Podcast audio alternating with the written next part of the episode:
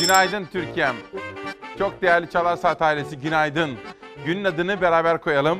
26 Eylül 2019 günlerden Perşembe İsmail Küçükkaya ile Hakikat Yolculuğuna hoş geldiniz. Bugün ekonomi ve tarım haberlerine ilişkin çok farklı detayları sizlerle paylaşacağım. Amerika'ya gideceğiz. New York'ta neler konuşuldu? Cumhurbaşkanı Erdoğan'ın Trump'ın davetindeki mesajları ve fotoğraflar nelerdi onlara bakacağız. FETÖ borsası var mı yok mu onu da değerlendireceğiz. Bugün AK Partili bir isim demokrasi meydana gelecek ve gündem olacak. Şamil Tayyar, İsmail Küçükkaya ile demokrasi meydana geliyor bu sabah. Bunun dışında Koç ödülünü kazanan İlke kızımızı da buraya demokrasi meydanına davet ettim. Onun hayatından da öğrenilecek çok mesajlar, çok derslerimiz var efendim. Günaydın. En temel ilkemiz. Bugün böyle bir manşet seçtim. Nedir efendim en temel ilkemiz? Günaydın. En temel ilkemiz sabahları içimizde ferahlık içerisinde ve umut içerisinde güne başlamak ve günaydın demektir. Yalnızca sesimizde değil, aynı zamanda gözlerimizle de günaydın demektir. En temel ilkemiz hastalarımızı, cezaevinde hasretlik çekenleri, sevdikleriyle kavuşmak için gün sayanları ve hayırlı işler dileklerimizi bekleyen esnafımızı unutmamak. En temel ilkemiz budur. Yönetmenim Hilal'den gazete manşetlerini vermesini rica ediyorum. Buyurun haber yolculuğumuza Evrensel Gazetesi ile başlayalım. Burs değil, kredi al, böyle bir bedavacılığa alışma denilen öğrencilerin hali. Hani bir zamanlar Cumhurbaşkanı Erdoğan'ın böyle sözleri vardı. Gazete böyle bir gönderme yaparak bugün okulların karşısına çıkmış. 10 kişilik iş için 870 öğrenci dizildi. Çukurova Üniversitesi'nde kütüphanede yarı zamanlı çalıştırmak üzere asılan 10 kişilik iş ilanına 870 öğrenci başvurdu. Üniversitede gerçekleştirilen bir anket öğrencilerin halini ortaya koydu. 10 farklı fakülteden 200 öğrenci ile yüz yüze görüşülerek yapılan ankete göre öğrenciler borçlu, kaygılı ve eğitimini devam ettirebilmek için çalışmaya mahkum. İşte o çarpıcı anketin sonuçlarından birkaç manşet. Öğrencilerimizin %90'ı kredi burs ücretleri yetersiz diyor. Yetmiyormuş. Temel ihtiyaçlarını bile karşılamaktan uzakmış. Öğrencilerimizin %87'si mezun olduktan sonra kredi borcunu ödeyebileceğine inanmıyor diyor efendim. Sosyal aktiviteler azaldı. Öğrenciler sinemaya 4 ayda bir, konsere ise 5 ayda bir gidebiliyor diyor. Evrensel Gazetesi'nin böyle bir manşeti var. Oradan Hürriyet Gazetesi'ne geçelim efendim. Hürriyet Gazetesi'nde çakarları sönenler. Birkaç gündür sizlere bu konu çok önemli dediğimiz ve hepimizin takipçisi olması gerektiğinin altını çizdiğimiz önemli bir olay. Bugün Hürriyet Gazetesi işte böyle bir manşette çıkmış. Trafikte geçiş üstünlüğü kaldırılacaklar arasında çok sayıda önemli makam var. Bunlar arasında milletvekilleri var, belediye başkanları var, kaymakamlar var, rektörler, daire başkanları, kurum müdürleri var efendim. Şimdi sizi Amerika'ya götüreceğim ama günün özetini de beraber şöyle bir anlatmak istiyorum. Ankara'da AK Partili bir milletvekilinin evinde bir Özbek kardeşimiz ölü bulundu. Ankara Emniyeti bir açıklama yaptı ve evinde Özbek kardeşimizin 26 yaşındaki bir genç kadının ölü bulunduğu milletvekili de bir açıklama yaptı. Günün çarpıcı fotoğraflarından haberlerinden birisi bu. O olayı da irdelemeye gayret edeceğim. İkincisi artık Cumhurbaşkanı Erdoğan'ın talimatından sonra özel araçlarda da sigara içenlere ceza kesilmeye başlandı. Sosyal medyada çok konuşulan, çok tartışılan bu konu. Özel aracımda da mı sigaramı içemeyeceğim diye bir yaklaşım da var. Ama sigara zaten sa- sağlığa zararlıdır, içilmesin diyen de var. Bunları da size sakin sakin anlatmaya gayret edeceğim. Sıradaki haber yolculuğumuz için New York'a gideceğim ama önce Hürriyet'ten bir ikinci manşeti sizlere anlatmak istiyorum. Bakın Cumhurbaşkanı Erdoğan ABD Başkanı Trump'ın resepsiyonuna katıldığı eşi Emin Erdoğan'la birlikte dün New York'taki temaslarını tamamladı ve biraz evvel Türkiye'ye doğru yola çıktı New York'tan. Dünkü konuşmalar içerisinde Cumhurbaşkanı Erdoğan'ın nefret söylemi paranteze alınamaz. Özellikle dünyada Müslümanlara yönelik nefret söylemi almış başını gidiyor diyor Cumhurbaşkanı Erdoğan. Gecenin en sıcak gelişmeleri işte böyle. O halde haber yolculuğumuza New York'tan başlayalım.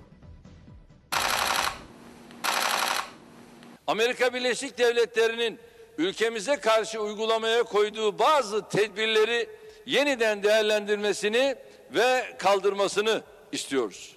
Cumhurbaşkanı Erdoğan Amerika'dan Amerikan yönetimine seslendi. Türkiye'ye uygulanan gümrük vergilerinin kaldırılmasını istedi. Stratejik ortaklık vurgusu yaptı. Amerika Birleşik Devletleri'nin önümüzdeki dönemde almayı planladığı önlemlerden de Türkiye'yi muaf tutmasını bekliyoruz.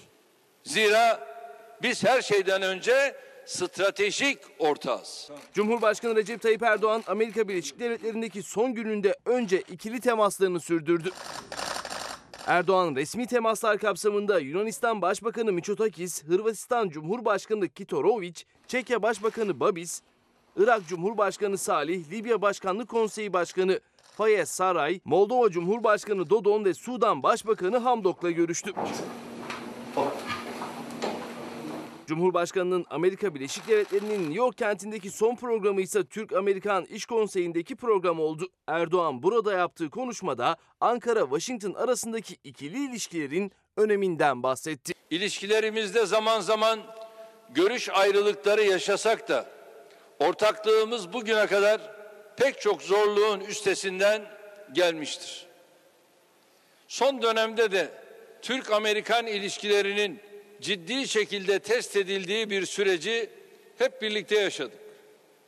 Ancak değerli dostum Başkan Trump'la aramızda tesis ettiğimiz yakın diyalog ve iletişim sayesinde bu sıkıntılı süreci aşıyoruz. Tabii bu birilerini de rahatsız ediyor veya kıskandırıyor. Cumhurbaşkanı Erdoğan Amerika ile Çin arasında devam eden ticaret savaşlarına değindi bunun dünya ticaretine zarar verdiğini söyledi.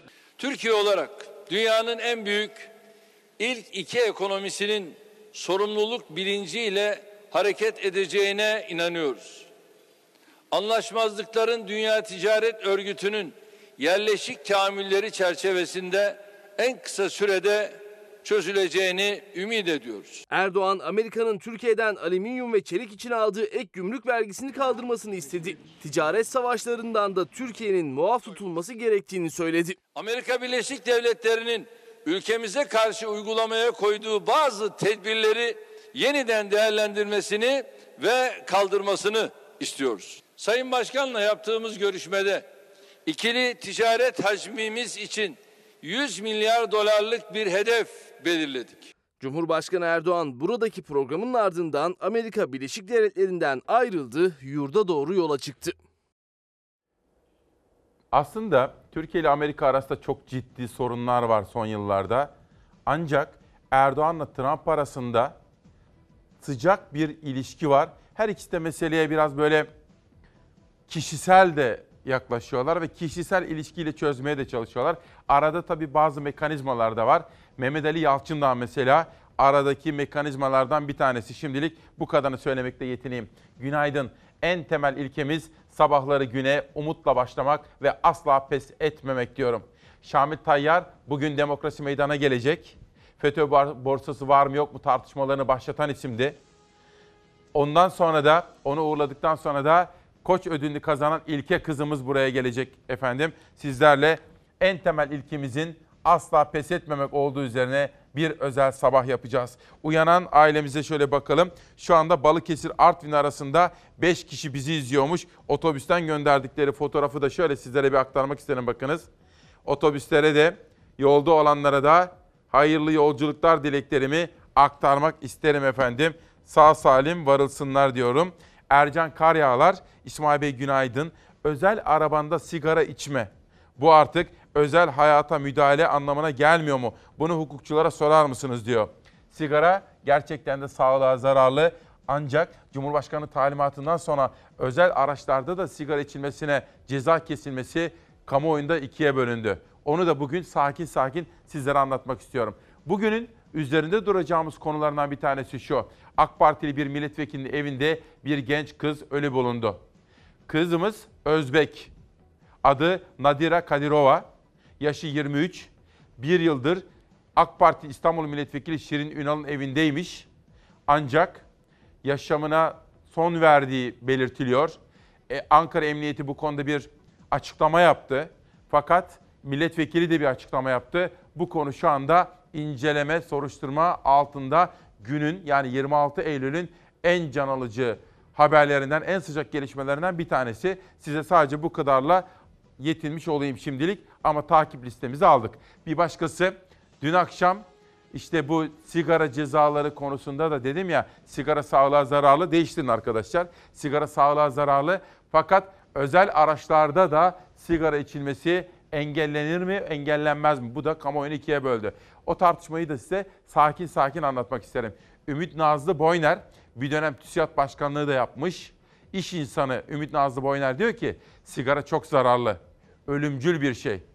Doğru da özel arabada içene ceza ne demek? Daha nereye varacak bu iş? Özel araba eşittir özel alan kime ne diye soruyor. Sizlerin görüşlerinizi merak ediyorum ben bu konuda. Bir taraftan hiçbir tartışma yok. Sigara gerçekten sağlığa çok zararlı. Ben ömrümde sigara elimi bile sürmedim.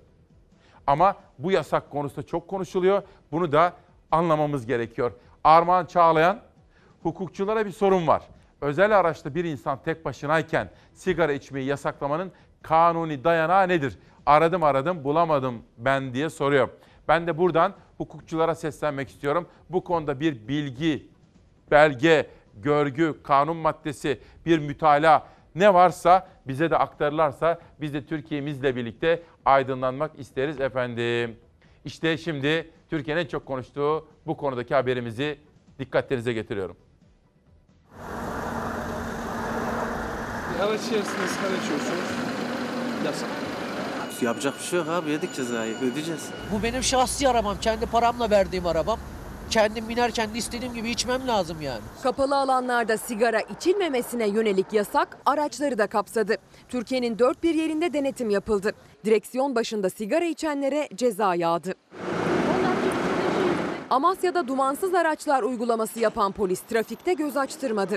Araçlarda sigara içtiği belirlenen 10 sürücüye 153'er lira idari para cezası uygulandı.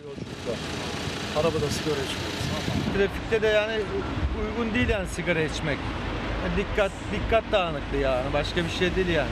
Zonguldak'ta yapılan denetimde 12 kişiye ceza kesildi. Polis denetim sırasında şoförleri araçlarında sigara içmemeleri konusunda uyardı. belki düşük bir ihtimalle ama kazalara da sebebiyet vereceğini düşünüyorum. Ben çok güzel bir uygulama olmuş. İnşallah bu uygulama devam eder. Balıkesir'de aracında sigara içtiği tespit edilen 39 sürücüye 5967 lira ceza kesildi. Denetim İstanbul'da da sıkı şekilde yapıldı. İstanbullu sürücüler uygulamaya hazırlıksız yakalandı.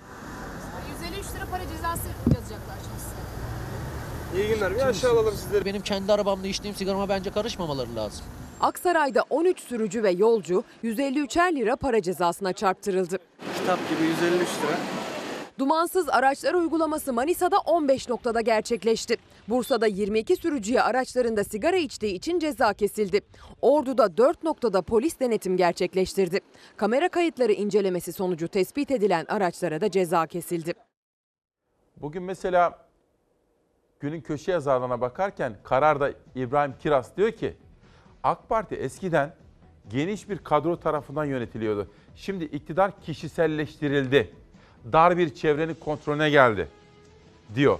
Ve Karar Gazetesi yazarları bugün yeni çıkma hazırlığı içerisinde olan Babacan ve Davutoğlu'nun da hareketlerinin işte bu anlayıştan beslendiğini söylüyor. Yani dar kadro yerine eskisi gibi geniş bir kadro tarafından yönetilmesi ve kişiselleşmesi. İktidar kişiselleşti diyorlar. Yani Erdoğan'ın şahsında AK Parti'nin dar bir kadro tarafından yönetilen bir yapı haline geldiğinden bahsediyor İbrahim Kiras bugün. Kaya Mert, İsmail abi günaydın. Benim adım Bilal Coşkun. Sizi Ağrı'dan izliyorum. Sigara içmek arabada bile yasaklanabiliyor ise o zaman iktidar satışı tamamen yasaklasın diyor. Kaya Mert böyle bir görüşü bizlerle paylaşmış. Sırada okula gidecek çocuklarımıza zihin açıklığı dilekleri var. Onlara zihin açıklığı diliyorum ve eğitime dair bir haber vereceğim ama önce Sözcü'ye geçelim. Sözcü'de bugün hangi manşet var hep beraber okuyalım.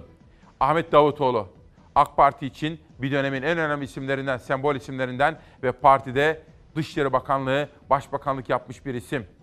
Ahmet Davutoğlu'nun kurmayından şok sözler. 15 Temmuz'da darbenin seyrine göre hareket edeceğim diyenler oldu. AKP'den geçen hafta istifa eden ve Davutoğlu saflarına katılan Konya eski İl Başkanı Musa Arat, FETÖ ile mücadelede yaşanan tutarsızlıkları anlattı. İşte Musa Arat'ın sözleri. Darbe girişimi gecesi herkesin il ve ilçe binalarında toplanmasını istedim. Ama talimatlarımıza uymayanlar hatta darbenin gidişine göre hareket edeceğim diyenler bile oldu. Yani kim kazanırsa onun tarafında pozisyon alacaklarmış. İddia bu. Diyor ki maalesef şu an o insanlar görevde. FETÖ bağlantısı olabilecek kişiler şimdi bir araya gelmeye başladı. Davutoğlu ve bize karşı karalama yaptılar. Adalet ve Sanayi Bakanlığı'na yapılanlar da aynı operasyon diyor efendim. Bugün İsmail Küçükkaya Demokrasi Meydanı'na Şamil Tayyar gelecek. FETÖ borsası kuruldu diye bir buçuk yıl önce bunu ilk defa gündeme getiren ve o tarihlerde MİT Müsteşarı Hakan Fidan'la akabinde Cumhurbaşkanı Erdoğan'la da görüşen Şamil Tayyar acaba bu konudaki tartışmaları nasıl değerlendiriyor? İlerleyen dakikalarda demokrasi meydanında kendisiyle değerlendirme imkanı bulacağız. Ve sıradaki haberim eğitime ilişkin. Milli Eğitim Bakanı 9. sınıfta başarısız olan öğrencilerin bundan sonra nereye, nasıl yönlendirileceğine dair çıkan haberler konusunda işte şöyle bir açıklık getirdi.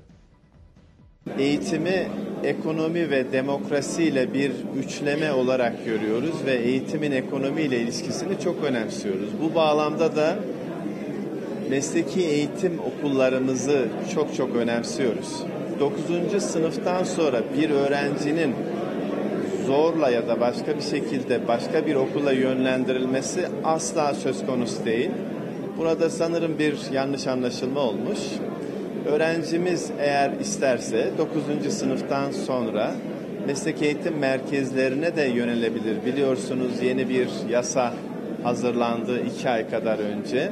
Özel kuruluşlarımız da, özel sektör de meslek eğitim merkezleri kurabilir ve öğrencilerimizi biz oralara yöneltebiliriz. Bu anlamda düşündüğümüzde şunu rahatlıkla söyleyebiliriz. Herhangi bir öğrencinin herhangi bir şekilde zorla veya bir şekilde yönlendirilmesi mümkün değil. Eğer öğrenci isterse, ailesi isterse, şartlar uygunsa bütün öğrencilerimiz için böyle bir şey söz konusu. Sadece meslek sesi öğrencilerimiz için değil. En temel ilkemiz çağdaş eğitim, bilimsel eğitim diyorum. Yaptığı açıklamalarla her zaman gündem olmayı bilmiştir. Çünkü çok başarılı bir gazeteciydi Şamil Tayyar. Biz onunla ben Sabah gazetesinde görev yaparken ta Dinç Bilgin Zafer Mutlu zamanları biz böyle aynı masada çalışmıştık. Çok başarılı bir gazeteciydi. Benden daha da kıdemlidir. Ve milletvekilliğinde de çok konuşulan söylemleri, icraatları oldu. Ve FETÖ borsası tabirini ilk defa o gündeme getirdi. Gaziantep'lidir Şamil Tayyar. Bugün Demokrasi Meydanı'na katılacak efendim. Kendisiyle sakin sakin gündemi değerlendireceğiz. En temel ilkemiz çağdaş eğitim dedik. Peki sizler neler söylüyorsunuz? Serap Şirin, sigara içmiyorum. Kimselere de tavsiye etmem. Doğru. Ama burada bir hata yok mu? At yarışı, bahis oyunları, bunlarda nice evler dağılmakta. E onları niye yasaklamıyorlar o zaman? Bu iş yasakla olur mu diye soruyor. Aynı şekilde Tarık Korkmaz, İsmail kardeş, sigaranın zararlı olduğuna hiçbir kuşku yok tamam da bu iş böyle yasaklamakla yürür mü diye soruyor. Yarın bir gün kendi evinde de sigara içmeyi yasaklar mı diye de sorular geliyor. Sözcü gazetesinde dün İsmail Küçükkaya ile Demokrasi Meydanı'nda Sözcü Gazetesi'nin yazarı Aytunç Erkin vardı biliyorsunuz. Ve gider ayak bir manşet patlattı. Kamuoyunun ilk defa burada duyduğu bir manşet. İşte o bugün Sözcü'de birinci sayfada yer bulmuş kendisine. İstanbul Cumhuriyet Başsavcılığı düğümü çözdü. Biz buradan İstanbul Cumhuriyet Başsavcılığı'na da teşekkür etmemiz gerekiyor. Görevlerini hakkıyla yapmaya gayret ediyorlar. Öksüz'ü bakın Adil Öksüz 15 Temmuz hain FETÖ kalkışmasının kilit ismiydi. Kuş gibi uçurdular onu. FETÖ imamı Adil Öksüz'ün bırakılmasıyla ilgili davada yargılanan Assubay ankesör soruşturmasına takıldı. Ve bu Aytunç Erkin'in manşeti. Savcılığın FETÖ'ye yönelik ankesör operasyonu ses getirdi. Silahlı terör örgütüne üye olmak suçundan tutuklanan Assubay İlyas Kaytancı, 16 Temmuz sabahı serbest bırakılan TSK imamı Öksüz'ü koruyan ekipteydi. Öksüz'ün eşyalarını adliyeden karakola getiren de oydu diyor. Günün en çarpıcı manşetlerinden bir tanesi. Belki ilerleyen dakikalarda bu adil öksüz meselesinde Şamil Tayyar'la konuşma imkanı buluruz diyorum. Şimdi sırada Aytunç Erkin'in kamuoyunu bu konuda ilk defa bilgilendirdiği dünkü demokrasi meydanından manşetle haber yolculuğumuz sürsün şimdi. Kumpas Şeffaf. olduğu ortaya çıktı mı Fenerbahçe'nin? Evet. Çıktı. Yargıtay'da dosyası bekliyor ama niye bekliyor hala kaç yıldır bilmiyoruz tabii de. 2-3 yıldır bekliyor o dosya orada oturmuş. Bekliyor. Kendi ne yapacak acaba? Dosya kendinden ne üretecek, bir şey mi üretecek bilmiyoruz. Ama hala karar çıkmadı. Fenerbahçe dosyasını onayan 2011'deki bir isim de Yargıtay'ın en tepesindeki ikinci isim.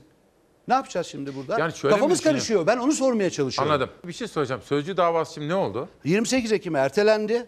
Ee, biz ama bu Cumhuriyet kararından sonra artık çok daha umutluyuz. Çünkü adaletin olduğunu biz burada gördük. Bu kararlarla gördük. Aban toplantılarına gidenler Evet. hiç açıklama yaptı mı? Ne oldu orada? Nasıl çağrıldılar? Ne yaptılar? Ne yaşadılar? Hiç anlattılar mı bugüne Hiç kadar? hayır.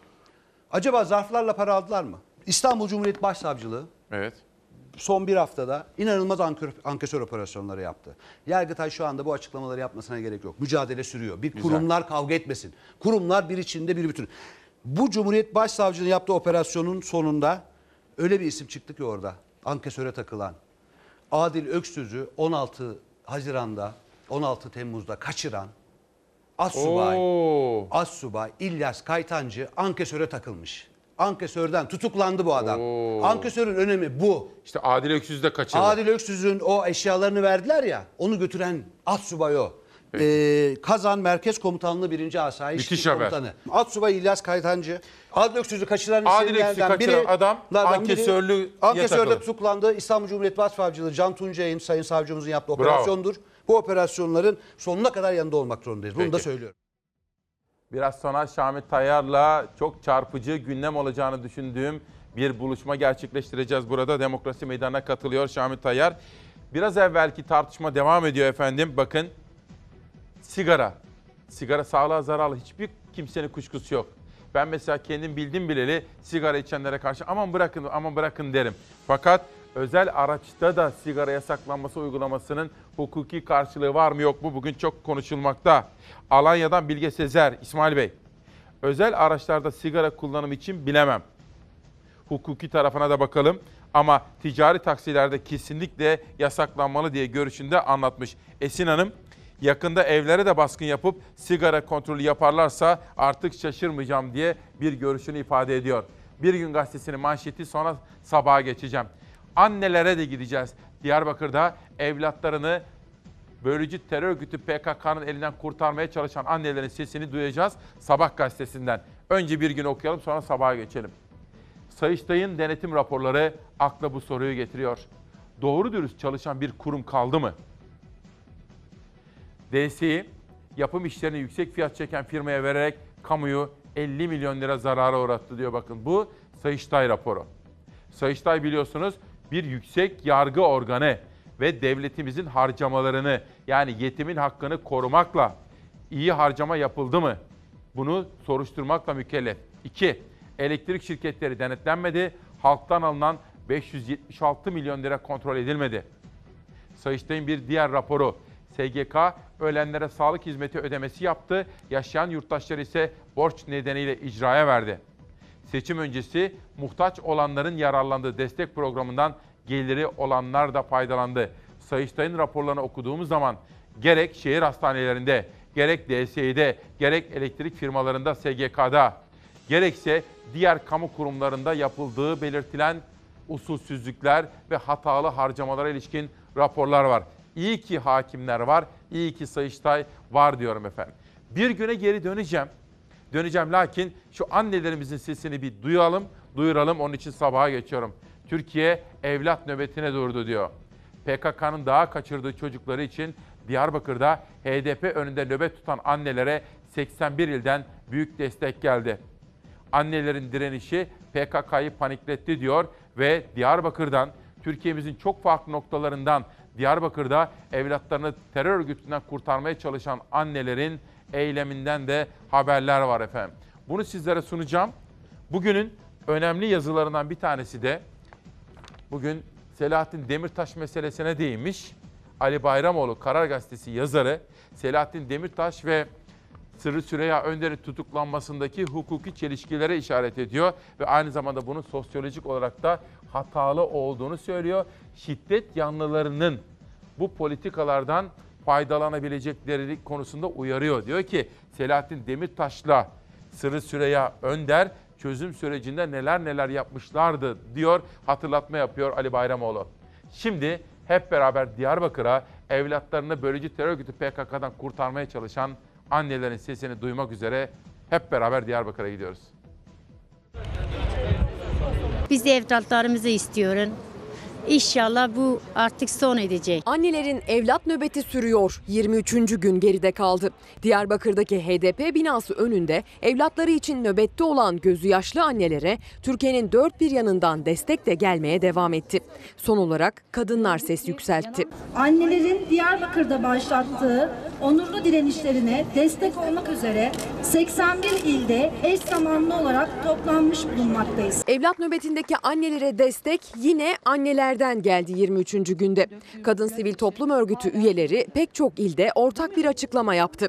Ortak bir metin pek çok şehrin meydanında kadınlar tarafından okundu. Bulundukları şehirlerde siyasi ve toplumsal yalnızlaştırma dahil her şeyi göze alıp evlatlarının dönmesini isteyen anneler başka canlar yanmasın diye çıktıkları yolda inşallah zafere ulaşacaktır. Ortak cümlelerle ortak bir duruş sergilediler. Diyarbakır'da evlatları için gözyaşı döken 45 anneye 81 ilden destek yağdı.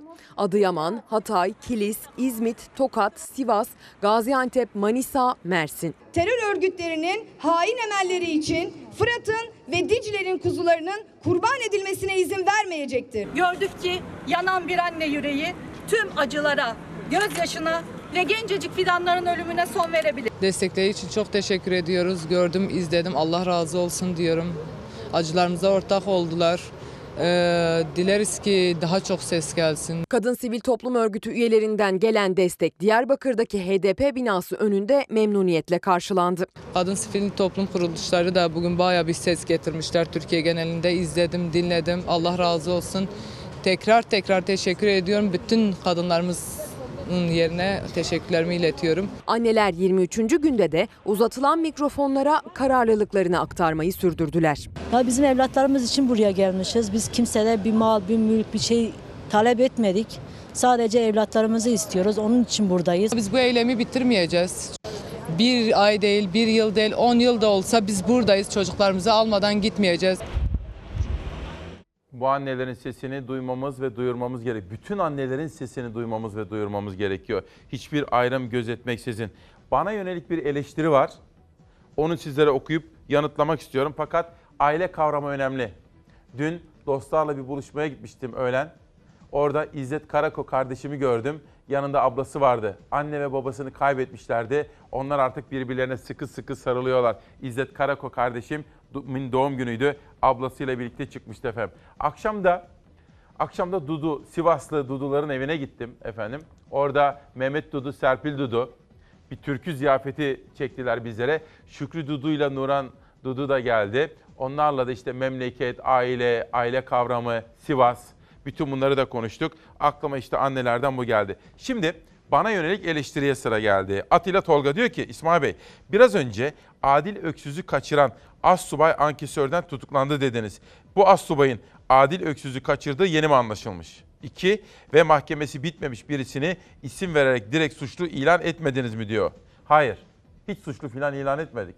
Yalnızca Cumhuriyet Savcılığı'nın bulmuş olduğu bir önemli bilgiyi gazete manşetinden sizlere yorum yapmadan aktardık.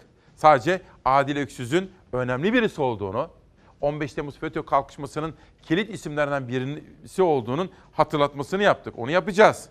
Ama Cumhuriyet Savcılığı ne buldu?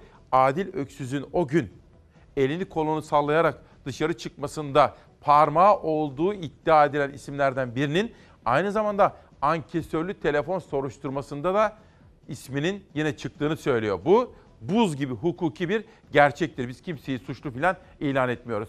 Sıradaki haber Cumhuriyet Gazetesi'nden. Okuyalım bakalım manşette neler var. Devlet karayollarındaki ihale oyunları SGK'daki özel hastane vurgunlarıyla zarara uğratılmış. Mustafa Çakır ve Ozan Çeplin'in haberi. Sayıştay raporları karayollarında iş yapan şirketlerin çevirdikleri oyunları göz önüne serdi. Rapora göre şirketler öncelikle yüksek teklif verilen iş kalemlerini yapıyor. Düşük teklif verilen iş kalemleri ise çeşitli bahanelerle sonlandırılıyor. İş yeniden daha sonra yüksek fiyatlarla ihale ediliyor. Sayıştay'ın Karayolları Genel Müdürlüğü raporuna göre 2018'de HGS ve OGS'den toplam 20 milyon 574 bin kaçak geçiş yapıldı. Köprü ve otoyollardaki toplam 132 milyon kaçak geçiş bedeline ilişkin tahakkuk kaydı yapılmadı, mali tablolarda yer verilmedi. Avrasya Tüneli kayıtları da gerçeği yansıtmıyor. Sayıştay'ın raporlarındaki bir başka husus. Hem tatilde hem işte diyor bakın manşette. SGK raporuna göre hastalara konulan tanılar ve ameliyat bilgileriyle faturalandırılan işlemler uyuşmuyor. Özel hastanelerde hasta ya da yıllık izinde gözüken doktorların ameliyat ve muayene yaptıkları bu işlemlerinde SGK'ya faturalandırıldığı belirlendi. Ölümlerden bir yıl sonra dahi faturalandırma yapıldı. Sayıştay raporlarında milyonlar nerede sorusu da Cumhuriyet Gazetesi'nin birinci sayfasına yansıyor. Yurt dışındaki eğitim faaliyetleri için kurulan Marif Vakfı'na aktarılan yüz milyonlarca liranın hiçbir denetime tabi olmadığı Sayıştay raporuyla ortaya çıktı. CHP'li Murat Bakan, devasa bütçeyi Türkiye Büyük Millet Meclisi, Milli Eğitim Bakanlığı, Maliye, Sayıştay denetleyemiyor. Peki vatandaşın parası kime ve nereye gidiyor diye soruyor efendim. Sırada hastanelerle ilgili bir haber var ama iki gün evvel araştırmacı gazeteci Barış Terkoğlu, Oda TV'nin haber müdürü ve Cumhuriyet'in yazarı buradaydı. İsmail Küçükkaya Demokrasi Meydanı'nda. Bugünkü yazısında bakın Cumhurbaşkanlığına sesleniyor. Cumhurbaşkanlığını daha fazla kirlenmekten kurtarın. Yazı uzun bir yazı. Sizlere özet yapacağım ama yazıda Barış Terkoğlu diyor ki Cumhurbaşkanının özel avukatlarının adliyelerde neler yaptıkları ettikleri, adliyelere gittiği zaman hakimler ve savcılar tarafından nasıl karşılandıkları bunlardan ifadeler var, ifadeler var, bazı eleştiriler var ve ayrıca bir önemli detayı şöyle paylaşıyor okuyalım. Salı sabahı Fox TV'de İsmail Küçükkaya'nın Çalar Saat programına konuktum. Program üniversitelerin sitesindeki mütevelli heyeti listesini okumuştum. Ertesi gün yani çarşamba günü aynı listeyi açtım. Fethah Tamimce'nin Antalya'daki üniversitesinin mütevelli heyetinden bir kişi eksilmişti. Karşılaştırınca Cumhurbaşkanı'nın bir diğer avukatı Mustafa Doğan İnal'ın listeden çıkarıldığı görülüyordu. Belli ki İnal mütevelli heyetinden çıkmak istemişti. Gelelim Gaye Vakfı'na. Orada da vakıf başkanı haliyle Fettah Tamimce. Genel sekreter yine Cumhurbaşkanı'nın avukatı Ahmet Özel. Vakfın başkan yardımcısı eski AKP'li Antalya Belediye Başkanı Menderes Türel. Üyeler arasında hem yeni vali Münir Karaloğlu hem eski vali Sebahattin Öztürk var. Bunun dışında AKP'nin eski vekilleri Mustafa Köse ve Sena Nur Çelik de üyeler arasında görünüyor. Ancak salı sabahı programda yani bizim programa katılıyor. Bunları söyledikten sonra listeyi gösteriyor. Barış Terkoğlu diyor ki salı sabahı programda gösterdiğim listede çarşambaya gelindiğinde yine bir değişiklik olmuştu. Cumhurbaşkanı avukatlarından Mustafa Doğan İnal'ın adı vakıf üye listesinden de çıkarılmıştı diye soruyor efendim. Yani Fettah Tamimce'nin okulunda ve he, o çok konuşulan, çok tartışılan Gaye Vakfı'nda da Sayın Erdoğan'ın avukatları vardı. Avukatlardan bir tanesi hem Gaye Vakfı'ndan hem de üniversiteden ismini çıkarmış. Ne zaman? Bizim programda Barış Terkoğlu o isimleri gündeme getirdikten sonra efendim biraz sonra Şamil Tayyar'la da işte bütün bu meseleleri eni konu konuşacağız. Şamil Tayyar bugün demokrasi meydanına çıkıyor. Biraz sonra burada olacak efendim. Sıradaki haberimiz Adana'ya gideceğiz. Şehir Hastanesi. Efendiler, sıra gecesi yapacaksanız Urfa'ya gidiniz. Yok Urfa'ya kadar gitmem, ben Adana'da sıra gecesi yapacak yapacağım diyorsanız gidiniz evinizde, barkınızda, bahçenizde, millet bahçesinde nerede istiyorsanız ya da özel bir yere gidiniz. Şehir hastanelerinde çalgılı, çelgili sıra gecesi yapmak da yeni adet mi oldu?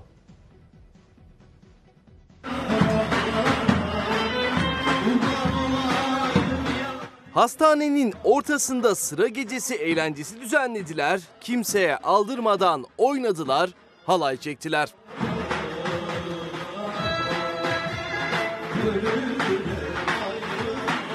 Duyanın kulaklarına inanamadığı olay Adana Şehir Hastanesi'nde yaşandı. Öğle saatlerinde sağlık personeli için sıra gecesi eğlencesi düzenlendi. Hastalar ve yakınları rahatsız olur mu diye bir saniye bile düşünmeden sazlar çalındı, türküler söylendi. Hatta yetmedi, hastanenin ortasına sedir dahi kuruldu.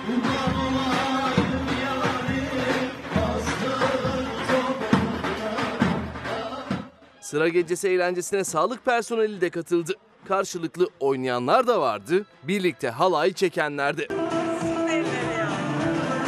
Hastanedeki sıra gecesi görüntüleri sosyal medya üzerinden yayıldı. Gelen tepkiler üzerine Adana Valiliği olayla ilgili soruşturma başlattı. CHP Adana Milletvekili Müzeyyen Şevkin de o eğlenceyi meclis gündemine taşıdı. Sağlık Bakanı Fahrettin Koca'nın yanıtlaması istemiyle soru önergesi verdi. Yani gerçekten inanılır gibi değil. Şehir hastanesinde böyle bir görüntünün olabilmesi akıl akıllara zarar efendim. Cumhuriyet'ten bir haber daha sonra Türk Gün Gazetesi'ne geçeceğiz. Örtülü af yolda. Emine Kaptan'ın haberi. AKP'nin taslağına göre cezanın yarısı infaz edilecek. Bazı suçlar kapsam dışı. AKP infaz sistemiyle ilgili ikinci yargı paketinin çalışmalarına başladı.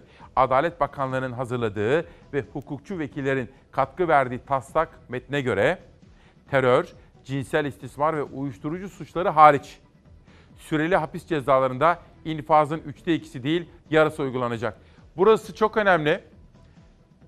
Bir kere daha okumak istiyorum. Şu anda gündeme gelmek üzere olan bu tasarıya göre taslak metinde terör, yani terör suçları hariç, cinsel istismar suçları hariç, uyuşturucu suçları hariç. Bunun dışında kalan suçlar süreli hapis cezalarında infazın üçte ikisi değil yarısı uygulanacak. Böylece örtülü bir af çıkacak denilmekte gazetede. Bütün hapis cezalarında tahliyeye bir yıl kala denetimli serbestlik koşuluyla tahliye uygulamasına ceza süresine göre kademeli bir sistem getirilmesi üzerinde duruluyor. Bir yılın altındaki hapis cezalarının 24 günü her gün gece ya da hafta sonu cezaevinde geçirilebilecek deniliyor. Yani şu anda yargı reformu paketi var ya bununla bağlantılı ama ayrıca da işte böyle bir çalışma da yapılıyor. Biz de her sabah sizlere o haberlerden detayları sunmaya gayret ediyorum. Cumhuriyet'ten sonra sıra geldi Türk Gün gazetesine. Bakalım Türk Gün'ün manşetinde ne var? Seri yargı, şartlı tahliye. MHP Genel Başkan Yardımcısı Fethi Yıldız, yargı paketinin adaletin zamanında gerçekleştirmesine önemli katkı yapacağını, arkasından da şartlı salıverme teklifinin gündeme alınarak kanunlaştırılması gerektiğini söyledi. Hepinizin artık çok iyi bildiği gibi bu aslında ilk başta MHP lideri Devlet Bahçeli'nin önerisiyle gündeme gelmişti. MHP, AK Parti'den gelen birinci yargı paketini hukuk ve seçim işlerinden sorumlu Genel Başkan Yardımcısı Fethi Yıldız, Grup Başkan Vekilleri Erkan Akçay, Muhammed Levent Bülbül ve uzman hukukçu ile akademisyenlerden oluşan bir ekiple inceledi. Paket olumlu değerlendirildi ve desteklenmesine karar verildi denilmekte efendim. Bu da bizim takip ettiğimiz önemli olaylardan ve haberlerden bir tanesi. Bugün konuklarım da olacak. Şamil Tayyar gelmek üzere efendim ama önce bir kitap tanıtımı yapacağım ve sizi Karadeniz'e, Ordu'ya götüreceğim ama Ordu'ya gitmeden evvel bakın İbrahim Kaboğlu. Anayasasızlaştırma ve demokrasi umudu. İbrahim Kaboğlu Hoca KYK ile görevlerinden ayrılmış ayrılmak zorunda kalmıştı. ihraç edilmişti biliyorsunuz. Hatta pasaportuna da el konulmuştu. Bugünlerde hoca harıl harıl yeni yargı reformu üzerinde çalışmakta. Yine kendisi gibi Ece Güner Toprak da hukukçu. Bu konuda çalışmalar yapıyor. Geçen gün aradım. Uzun uzun da konuştuk. Belki işte bunları gündeme getirmek için önümüzdeki günlerde şöyle bir gündeme bakacağız. Haber yolculuğumuzun şimdiki durağı için Ordu'dayız. 35 yıldır çöplüktü. Şimdi o çöplük halkın nefes alabileceği yemyeşil bir alana dönüştürülecek. Koku yapıyor, pislik yapıyor. Yani denize giremiyorsunuz. Arabadan geçerken bile pis pis koku yapıyordu. Bunu kaldırdılar, bunlar kaldırdı. Ellerine sağlık. Ordu Ünye'de deniz kıyısındaki 80 dönümlük bu arazi yıllarca vahşi depolama alanı olarak kullanıldı. Atıklar, çöpler buraya bırakıldı. Belediye halk sağlığını tehdit eden kirliliğe artık yeter dedi. O çöplerin üzerini gördüm ben. Köpekler, e, aynı zamanda martılar, kuşlar, kargalar inip çıkıyordu. Bunlar aynı zamanda mikrop taşıyıcılarıydı. Her şeyden de öte görüntü kirliliğiydi. Asfalttan arabayla geçerken bile camlar kapalı olduğu halde arabanın içinde dayanılmaz bir koku oluyordu. Çöp depolama alanının yeşil alana dönüştürülmesi amacıyla çalışma başlatıldı. Proje kapsamında önce alanın üzerine bin kamyon toprak döküldü. Bundan sonraki amacımız e, bunlardan enerji elde etmek, bunu enerjiye dönüştürmek e, ve peşinden de gerekiyorsa gübre olarak kullanmak ve yeniden kazanmak. Ünye'deki vahşi depolama alanı için bizim ayıbımızdı diyen Ordu Büyükşehir Belediye Başkanı Hilmi Güler, Fatsa için de benzer bir çalışma yapılacağını açıkladı. Benzer şey Fatsa'da da söz konusuydu. Oraya da artık vahşi çöp dökülmeyecek. Bu sabah dedi ki en temel ilkemiz, en temel ilkemiz çevremizi de temiz tutmak. Ne zaman çocuklarımızla konuşsam, ne hayal ediyorsunuz diye sorsam onlara, onlar temiz bir çevrede yaşama hayali kuruyorlar efendim. Dolayısıyla çocuklarımıza borcumuz var. Sırada Konda'nın yaptığı bir araştırma ve Türkiye raporu var. Ama önce kitap tanıtımları. Bugün iki ayrı konuğum olacağı için sizlere kitapları daha erken saatlerde tanıtıyorum.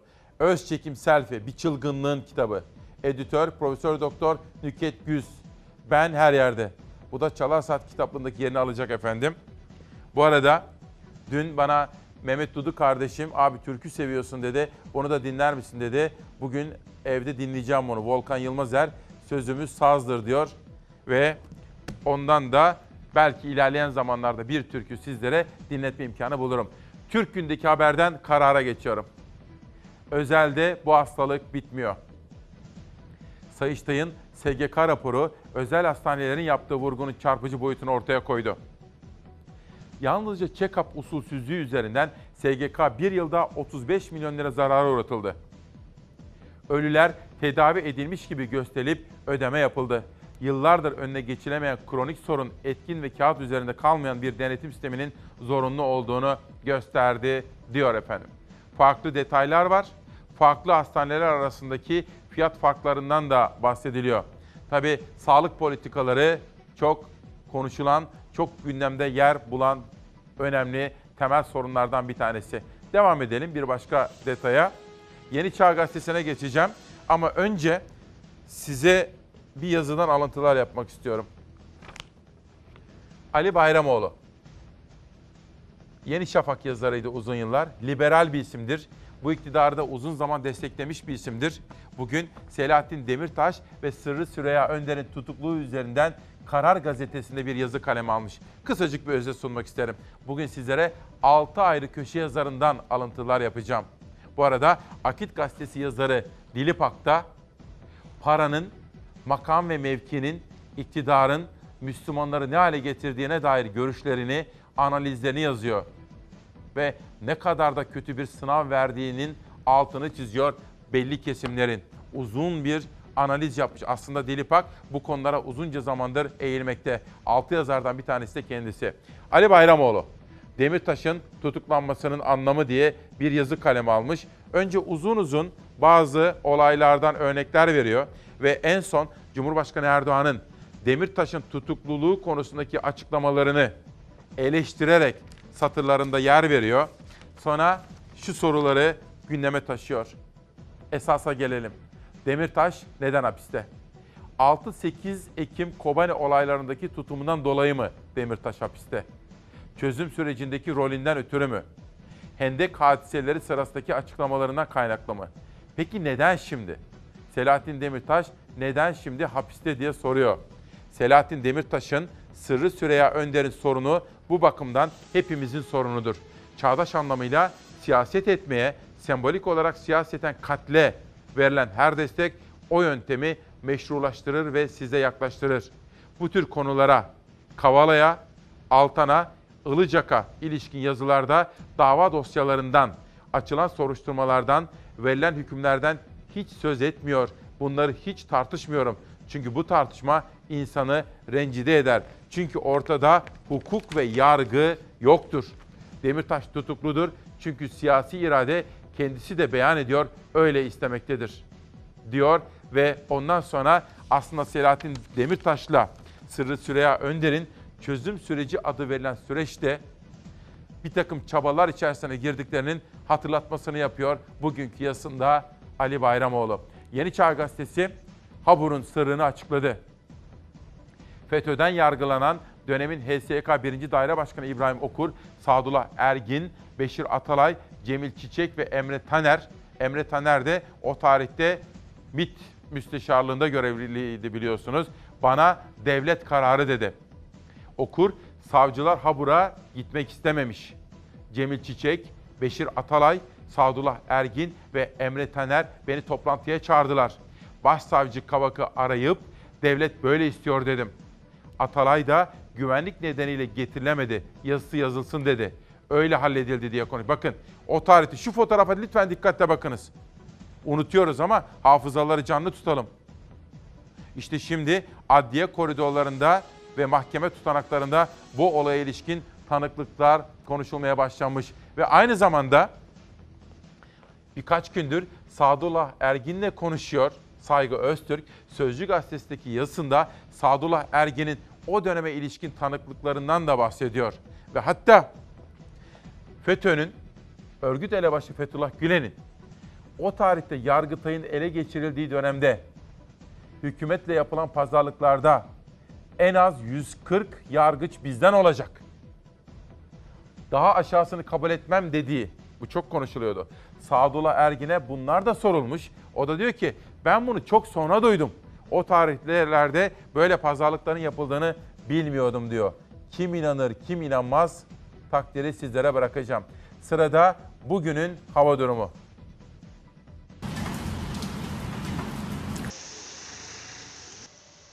Bekleniyordu, beklendiği gibi oldu. Ege'de sel, su baskını ve taşkın hayatı durma noktasına getirdi. İzmir, Aydın, Manisa, Muğla aşırı yağışlara teslim oldu. Dün sabaha karşı sel götüren Ege'de bugün yağış yok. Pek çok noktada sel giriş katlarda sel ve su baskınlarına neden oldu. Bodrum ve Didim'de araçlar sel sularına kapılıp denize sürüklendi. Aydın'ın Didim ilçesinde altın kumu vuran kuvvetli sağanak sele dönüşünce denize yakın bir noktada park halinde olan bir araç gece vakti denize sürüklendi. Muğla'nın Bodrum ilçesinde de yaşandı benzer bir durum. Gümbet'te yol kenarında park halinde olan aracın saniye saniye sürüklenmesi güvenlik kameralarına yansıdı. Sel sularının dar sokakta oluşturduğu akıntı o kadar kuvvetliydi ki yüzlerce kilo ağırlıktaki arabayı metrelerce teneke kutu gibi sürükledi. Kuşadası'ndan da tanıdık görüntüler geldi. Aydın'ın Gözde Tatil ilçesinde şehir merkezine inşa edilen viyadükte her kuvvetli yağmurda yaşanan su baskını yine yaşandı. Öte yandan siteler bölgesiyle Davutlar ve Güzelçamlı bölgelerinde de pek çok yazlık evin giriş ve bodrum katı sular altında kaldı. İzmir'de ise Karabağlar'da su baskını yaşandı. Gece vakti gelen kuvvetli sağanakla iş yerlerini su basan esnaf sabah gördüğü manzarayla şoke oldu. Sabah kalktığımızda dükkan açtığımızda dükkan bu haldeydi. Temizlemeye çalışıyor. Su ağzına kadar doluydu. Çoluk çocuk hep beraber giriş ve bodrum kattaki su tahliyesi için saatlerce çalıştılar. Bugünse ne Ege bölgesinde ne de iç kesimlerde yağış bekleniyor. Dünden bugüne yağışlar neredeyse tamamen etkisini yitirdi. Bugün sadece Doğu Karadeniz'de yağmur var. Cuma günü ise Marmara bölgesiyle Karadeniz bölgesinde yeni bir yağışlı sistem bekleniyor. Cuma sabah saatlerinde Trakya ve İstanbul'da hafif yağışlar görülebilir. Öğle saatleri itibariyle yağışlı hava Batı ve Orta Karadeniz'i de etkisi altına alacaktır. Öte yandan sıcaklıklar artıyor. Bugün hava hissedilir derecede ısınacak. Sıcaklık artışıyla ılık sonbahar günleri geri gelecek. Evet efendim, önemli bir isim.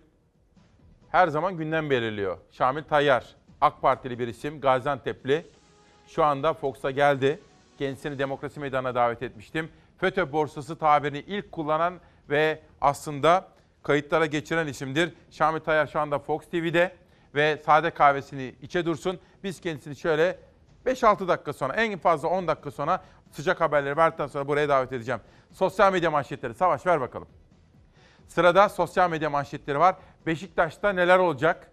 Dün Erdal Torunoğullarını da aradım. Sizin adınız da başkanlık için geçiyor dedim.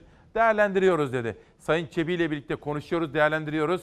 Kişiler önemli değil. Beşiktaş'ı kurtarmamız gerekiyor. Mali durum çok kötü dedi.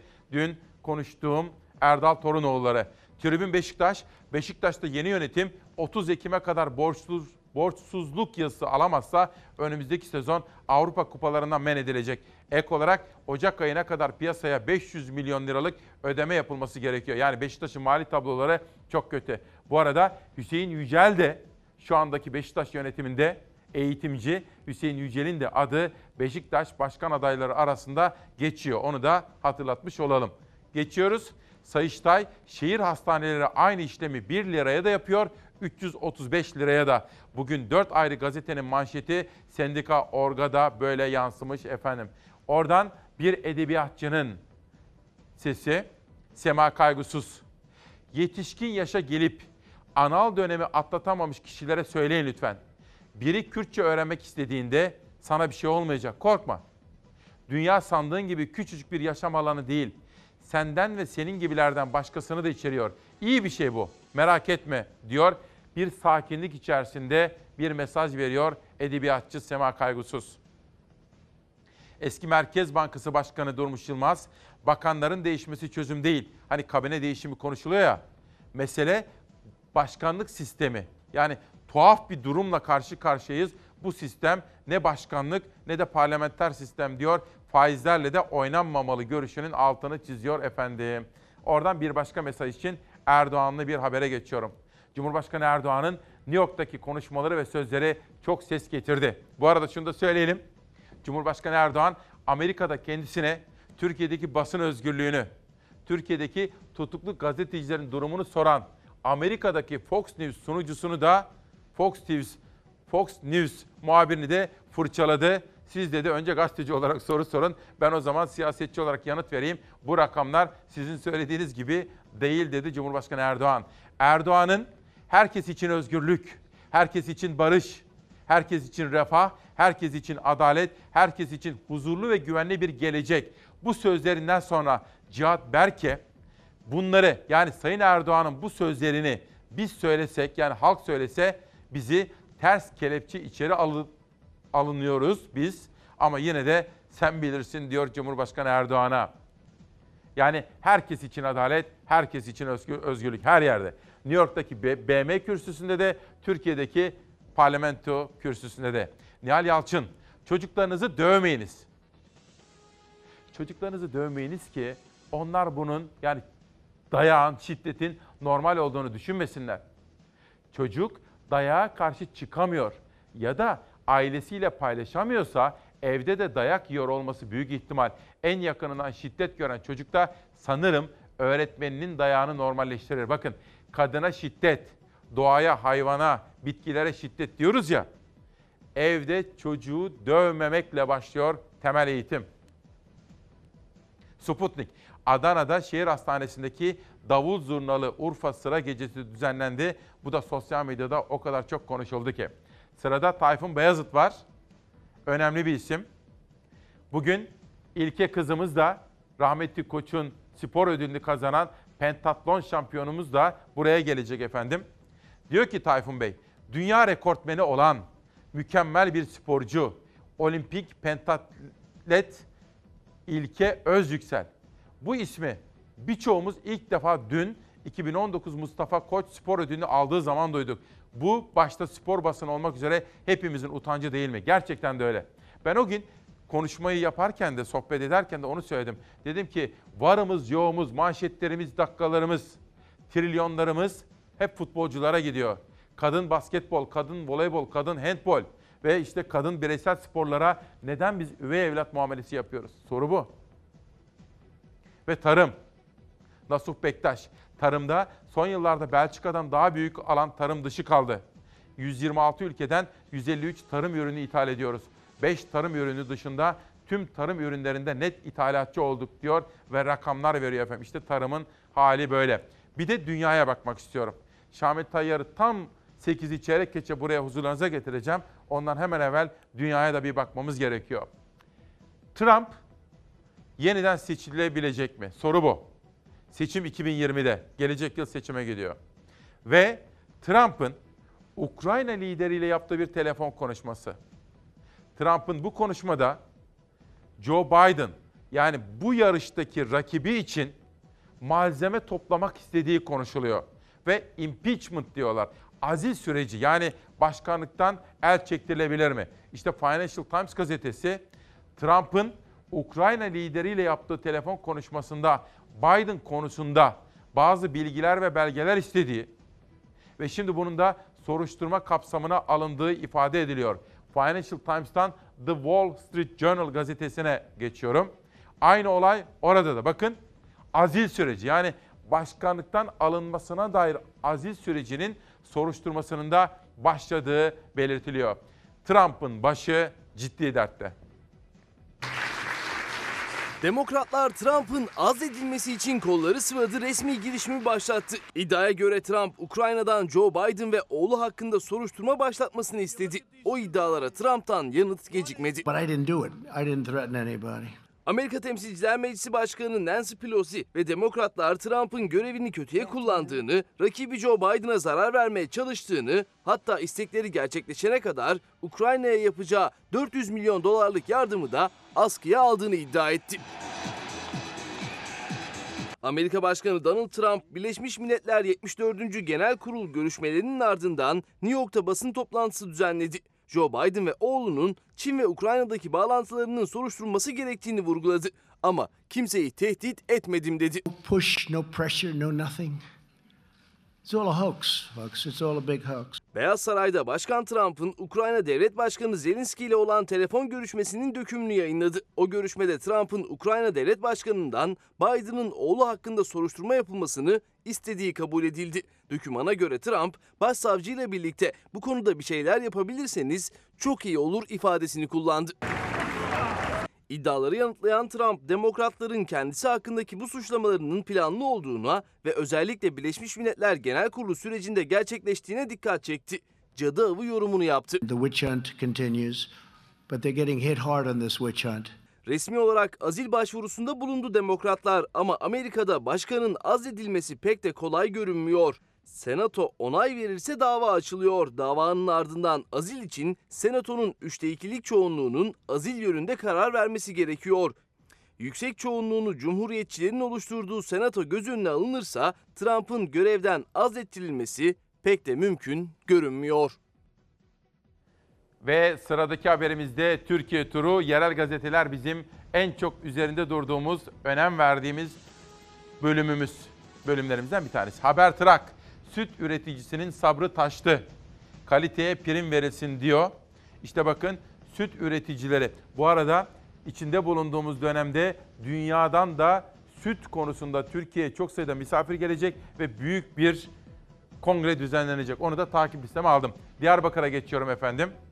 Diyarbakır Gazetesi Tigris Kadın Meclisi ABD ve Almanya model oldu. Diyarbakır Ticaret ve Sanayi Odası Başkanı Mehmet Kaya, oda bünyesinde kurulan Türkiye'nin ilk kadın meclisine ilişkin Tigris Haber'e konuştu ve kadın meclisinin Amerika'da da Almanya'da da model olduğunun altını çiziyor. Vatandaşın sesini duymanın tam zamanı geldi. Bu kez Trakya'ya geçiyoruz. Çok sesli ama tek başlı bir partiyiz. AK Parti Edirne İl Başkanlığı'nda partililere seslenmiş Ulaştırma ve Altyapı Bakanı Mehmet Cahit Duran ve partisi için şöyle bir tanım kullanmış. Biz çok sesliyiz ama tek başlı bir partiyiz demiş efendim Edirne Gazetesi. Oradan geçelim. Bu kez Antalya'dayız. Akdeniz kemer gözcü yapmayın diyor. Kemer'de geçtiğimiz hafta daha önce kültür merkezi yapılacağı konuşulan rally servis alanının otel alanına çevrilmesine ilişkinde Kemer Gözcü Gazetesi'nin yayınları devam ediyor. Oradan bir de Akdeniz'den Ege'ye, Antalya'dan İzmir'e geçiyorum. 9 Eylül Gazetesi mutluluk örüyorlar diye bir manşet. Dördüncü Mutlu Olalım Festivali'ne katılan gönüllüler hasta çocuklara yün ipten taç yaptılar diyor. Bu arada dün Meliha diye bir kızımız var. İzmir'de okuyor. Muğla'ya gittiğim zaman tanışmıştım. Anneannem sizi çok seviyor deyince anneannesiyle konuşmuştum. Dün öğrendim ki anneannesi hastaneye kaldırılmış Muğla Devlet Hastanesi'ne. Adile Çalışkan. Konuşmuştum kendisiyle. Kalp rahatsızlığı geçirmiş Adile Hanım. Doktora demiş ki evladım hastayım. Bakmış yok demiş anneciğim hasta değilsiniz siz psikolojik demiş siz eve gidin. Yok yok oğlum ben hastayım kalbim vuruyor demiş. Torunundan öğrendim Melia gazetecilik okuyor. Doktor onu hastanın bütün serzenişine isteğine rağmen evine yollamış. Ve evinde de kalp krizinden rahmetli oldu efendim. Kızımız dedi ki dava açacağız dedi. Ben de dedim bu hak arama mücadelenizde yanınızda olacağım dedim. Bunu da yeri gelmişken belirtelim efendim. Gaziantep'e geçelim Savaş. İcra patlaması Gaziantep manşeti 9 ayda 140 binli icra dosyası açıldı deniliyor. İşte biz de Savaş Yıldız kardeşimle bu gazeteleri de seçerken özellikle ekonomi, tarım, hayatın içerisinden bu haberleri sizlere aktarmaya gayret ediyorum. Efendim Şamil Tayyar huzurlarınıza çağıracağım ama önce bir kitap. Son buzul erimeden Profesör Doktor Levent Kurnaz'ın iklim değişikliği hakkındaki kitabı. Hani içinde bulunduğumuz dönem çevre sorunları açısından son derece kritik ve duyarlılık istiyor. Bu arada Hakan Karabaş Merzifon'dan bize bunu göndermiş. Ben de buradaki arkadaşlarımdan birisine armağan edeceğim. Ülkemizin kurucu önderi Gazi Mustafa Kemal Atatürk'ü Ekim ayına girmekte olduğumuz Cumhuriyet Bayramı'nın yaklaştığı bu dönemde saygıyla anıyorum. Yine Kerim Afşar, biz İsmail Küçükkaya ile Çalar Saat ailesi olarak her zaman yitirdiğimiz değerleri saygıyla, vefa ile anmak ve onları hiçbir zaman hiçbir zaman unutturmamak gibi bir görevi üzerimize almış durumdayız. Kuvayi Milliye.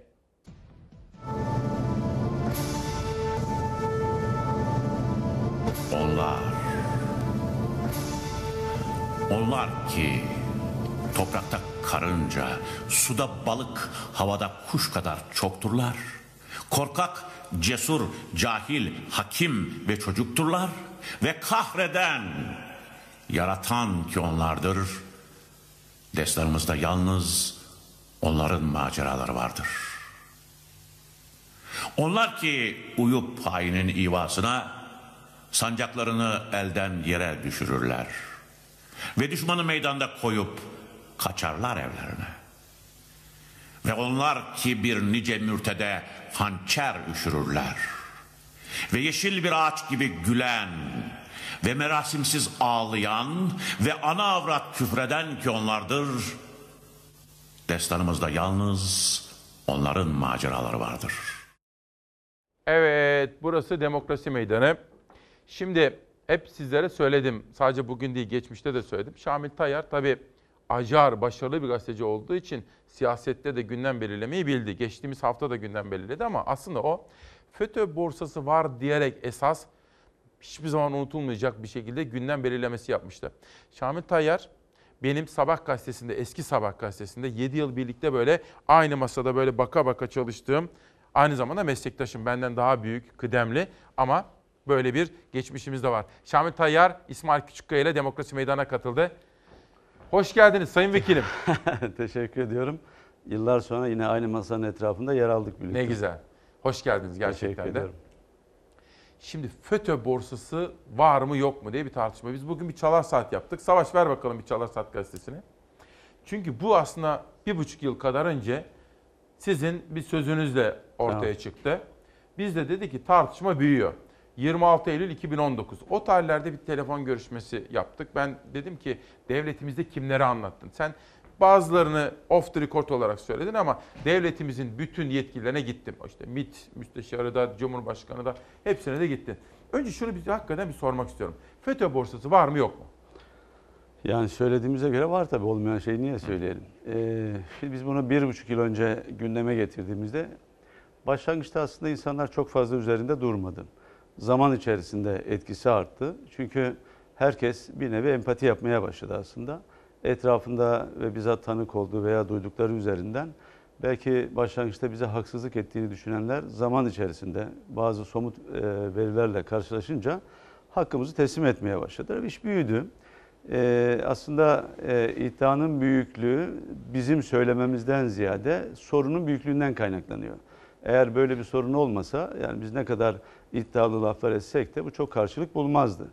Çünkü ben gittiğim her yerde veya bizi arayan, soran herkes e, bize örnek veriyor. Nitekim son e, birkaç gün bu konu yine gündeme geldiğinde Türkiye'nin her yerinden mesajlar, WhatsApp mesajları, e, mailler gelmeye başladı ve her ilden buna ilişkin ellerindeki bilgileri paylaşmak isteyenler var. Buna ilişkin elimize ulaşan her bilgiyi ben mümkün mertebe ilgili yerlere göndermeye çalışıyorum.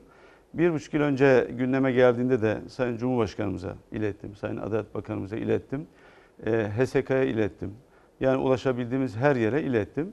Şunu samimiyetle belirtebilirim. Sayın Cumhurbaşkanımız bu konuda son derece samimi ve yanımda da bizzat talimat verdim. Bu iddiaların çok önemli olduğunu ve sonuna kadar üzerine gidilmesi gerektiğini söyledi.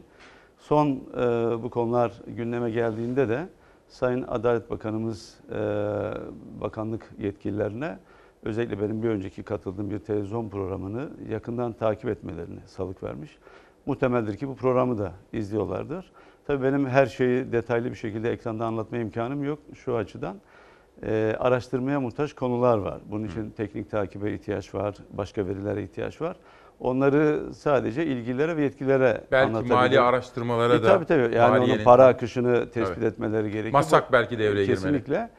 Ee, ve benim o geçen programı e, bakanlık da yakından izlemiş. Bu CNN'deki program. Evet, Hı. evet. Sayın Bakanımızın da talimatı e, eğer ilave bilgi almak gerekirse de Şamil Bey'i arayın ve ondan gerekli bilgiler alın ve bunun üzerine gideceğiz demiş. Siz bunu niye önemsediniz? Yani FETÖ borsası diye bir çıkışı neden yaptınız? Bunu niye önemsiyorsunuz? Ya şöyle, e, her sorun alanına ilişkin bizim bir tespitimiz ve yaklaşımımız var. Bu fazla karşılık buldu.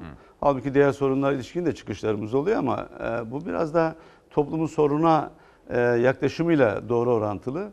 Bunu şu açıdan söyledik çünkü yakın tarihin en önemli bir hesaplaşması yapılıyor. Yani 15 Temmuz'da hain darbe girişimi yaşanmış ve yine bizim yakın tarihin en önemli konvansiyonel darbe girişimi. Yani 12 Eylül'den bu yana tankla, topla, tüfekle yapılan başka bir girişim yok. Yani 28 Şubat bir postmodern darbe girişimiydi. Ee, ve bu sürecin akamete uğramaması lazım. Geçmişte çünkü bunların örneklerini biz yaşadık. Bir taraftan Türkiye bu kirli yapıyla mücadele etmeli ve sonuç almalı. Yaklaşık 53 yıldır devam eden e, bu devlet içerisindeki çarpık yapılaşmanın mutlaka sona erdirilmesi lazım. Ama bunu yakarken yaparken de e, mağduriyetlere sebebiyet vermemek gerekir ve suçluların da o mağdurlar arasına karışarak kendilerini Yani kurtarmaması gerekiyor. adalet için bu, Adalet mi? duygusundan Adalet. kaynaklanan yoksa başka e, Peki şimdi olmaz. eski tabirle siz şimdi manşet attınız aslında. FETÖ borsası Evet. deyince hani ben öyle eskiden böyle kocaman manşet diye hayal ettim. FETÖ borsası ne? Yani tanımı ne? Tanımı şu, e, yani FETÖ e, dava sürecini e, kendi kişisel hesapları veya rantı için e, kullananların e, içinde yer aldığı bir süreçten bahsediyoruz. Bu sadece yargılamalarla sınırlı değil. Yani 3-5 hakim ya da savcıdan bahsetmiyoruz burada. E, sürecin içerisinde bir vesileyle yer alan ve devlet erkini kullanan kurumların yoldan çıkmış, raydan çıkmış kadrolarını kapsıyor. Şimdi biz bunları söyleyince e, o kurumların başındakiler inciniyor ve alınıyor. Ben buradan çok açık yürekle söylüyorum. Tamam. Benim yaklaşımım şu. Eğer siz sepetteki çürük elmaları ayıklamazsanız kalanların tamamını çürütürsünüz. O yüzden bünyenin daha sağlıklı olabilmesi için bizim önce bir çürük elmaları ayıklamamız lazım. Bu herkesin bir görevidir. Şimdi e, Milli İstihbarat Teşkilatı'ndan, Emniyet Teşkilatı'ndan, yargıdan, işte avukatlar arasından e, çok sayıda insanın e, birlikte veya ayrı ayrı gerçekleştirdiği bir işlemler bütününden söz ediyoruz. E, kamuoyu şöyle bir yanılgıya kapılmasın. Bazen hani bir mahkemenin verdiği karar üzerinden de tespitler yapılıyor ama e, hakimin yeri geliyor bundan haberi de olmuyor. Çünkü e, genelde bu sistem işlerken daha çok itirafçı mekanizmasını kullanıyorlar. E, ve bunun başka tabii yöntemleri de var. Yani ağırlıklı yöntemlerden birisi bu. E, sizi itirafçı olarak e, kayda aldıklarınızda söylediğiniz, söylediklerinizin e, örgütü çökertmeye yetecek e, ilave delilleri içinde barındırması lazım. E, ama itirafçı olarak kabul ediyorsunuz. Ondan sonra herhangi bir operasyon yapmıyorsunuz. Şöyle mi? herhangi bir bilgi yok.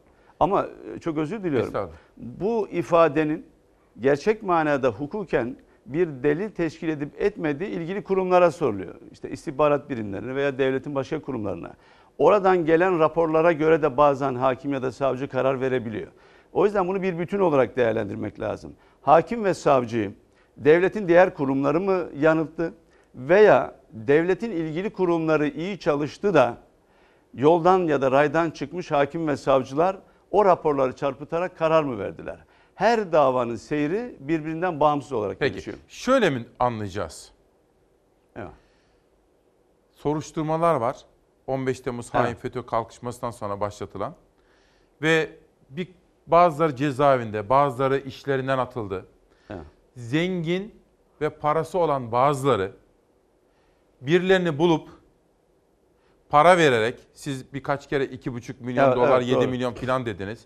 Kimisi paraları vererek bir yerlere mahkeme safahatından kurtuluyorlar. Doğru. Beraat ediyorlar. Yani e, ya çok düşük cezalarla kurtuluyorlar. İlla beraat etmesi gerekmiyor. Çünkü e, FETÖ soruşturmasından e, hakkında işlem başlatıldığında ve yargılama konusu olduğunda mal varlığına el konabiliyor. Ve e, özellikle zenginlerin tabii e, 500 milyon dolar, 1 milyar dolar serveti olanlar var. Bir anda bütün malına ve mülküne el konduğu için gerekirse servetin tamamını da verebilir. Yani adam bir an önce bundan kurtulmak istiyor. Dolayısıyla telaffuz edilen rakamlar onlardan talep edilen ve onların sahip olduğu servet büyüklüğü içerisinde çok büyük rakamlar değil. Çok rahatlıkla 10 milyon dolar, 20 milyon dolar, 100 milyon dolar verebilir. Ne olacak ki servetin onda birini verdiğinde bir şekilde aklanmış olacak ya da temizlenmiş olacak ve kendini kurtaracak. Onun için rakamlar e, son derece büyük. Burada temel yaklaşım aslında Sayın Cumhurbaşkanımız çok e, özel bir kategorik yaklaşım ortaya koymuş. Onu çok önemsedik. Aslında bütün bu soruşturmaların da bana göre o çerçevede yürütülmesi gerekiyordu. Yani o ihanet, ticaret ve ibadet kesimi. İhanet kesiminin zaten asla bir affı yok ve mutlaka en ağır cezaya çarptırılmaları gerekiyor. Ticaret kesiminin de keza öyle. E, alt kesimin ise e, sosyal hayata entegre edilmesi lazım. Çünkü 500 bin kişilik, 1 milyon kişilik bir terör örgütü olmaz. Zaten bunu kamuoyu da batı da çok anlamakta zorlanıyor. E, geçmişte bir vesileyle e, o tarihte cemaat diye tarif ettiğimiz bu yapıyla selamı kelamı e, olanları da örgüt yapılanması içerisine koyduğunuzda siz bu işin içinden asla Bir şey soracağım. çıkamazsınız. Siz Sayın MİT Müsteşarına, devletimizin diğer yetkililerine veya Sayın Cumhurbaşkanına anlattınız mı böyle olaylar, örnekler? Birkaç örnek verdik. Fakat Verdiniz. burada temel problem şu. e, devletin bir hantal işleyişi var. Sonuçta e, Sayın Cumhurbaşkanımıza bizim dışımızda da çok farklı kanallardan bilgi akışı var. Sonuçta e, devletin başındaki kişi ve devlet kurumlarından yardım istiyor. Maalesef kurumlarda bir mesleki taassup var. Misal siz emniyetle ilgili iki densizin ismini verdiğinizde emniyete bu gittiğinde emniyet e, bunu koruma güdüsüyle hareket ediyor. Veya MIT keza öyle veya yargıda öyle. Bak örnek olsun diye söyleyeyim. Az önce de Adil Öksüz'ü gündeme getirdiniz. Adil Öksüz'ün kaçırılma vakası kamuoyunda tartışılmaya başladıktan kısa süre sonra yani Evet. 15 Temmuz'dan kısa süre zannediyorum bir hafta sonra bir 10 gün sonra gündeme geldi bu. O tarihte ben HESEKA'da e, kamuoyunda yakından tanıdığı birkaç üyeyle bir araya geldim ve onlara sordum. Dedim ki ya böylesine kritik bir isim nasıl olur da bırakılır? Evet. Bana söyledikleri ifade aynen şu. Dediler ki o zaman milletvekiliydim hala. Ya sayın vekilim burada hakimlerin bir kusuru yok. İşte jandarma, emniyet burada e, öyle bir rapor hazırlamışlar ki içi çok boş. Hakim bununla nasıl karar versin dediler. Yani hakimleri temizleyen ve aklayan bir yaklaşım sergilendi. Aradan zaman geçti. O iki hakimin FETÖ'cü olduğu kesinleşti. Hatta biri itirafçı oldu. Bak bugün Aytun Çerkin dün tam da sizin bulunduğunuz yerdeydi. Diyor ki o kişilerden birisi ankesörlü telefon soruşturmasına takıldı şimdi. İstanbul Cumhuriyet Başsavcılığı ortaya çıkarttı bunu diyor. Şimdi Bağlantılar çözülüyor yani. Yani, e, şimdi orada o hakimlerin de hata yapabileceğini kabul ederek ilk aşamada üzerine gidilse belki gelişmeler farklı olacak. Veya e, MİT'te birisi işte yoldan çıkıyor ve bu kirli işlere bulaşıyor. Bununla ilgili e, iddianızı gündeme getiriyorsunuz. E, diyorlar ki elinizde ne belge var? Ya kardeşim bununla ilgili teknik takip kararı alacak olan sizsiniz. Para hareketlerini takip edecek olan sizsiniz. Diğerlerini keza aynı şekilde. Ondan sonra ben ayrıca e, ismimi vererek, adımı ortaya koyarak bir ihbarda bulunuyorum. Ve üstelik de altında Şamil Tayyar imzalı yazılı başvurularım var. Şöyle sorayım mı? terör örgütüyle, FETÖ'yle etkili, tek standartta, çifte standart değil. Böyle bir mücadele sürdürülüyor mu şu anda? Bu davaları ikiye ayırmak gerekir bence. Bir 15 Temmuz davaları, bir de FETÖ davaları. Yani o gece işte bombalama eylemleri, işte darbeyi planlayanlar arasında daha böyle somut veriler üzerinden yürüyen davalar.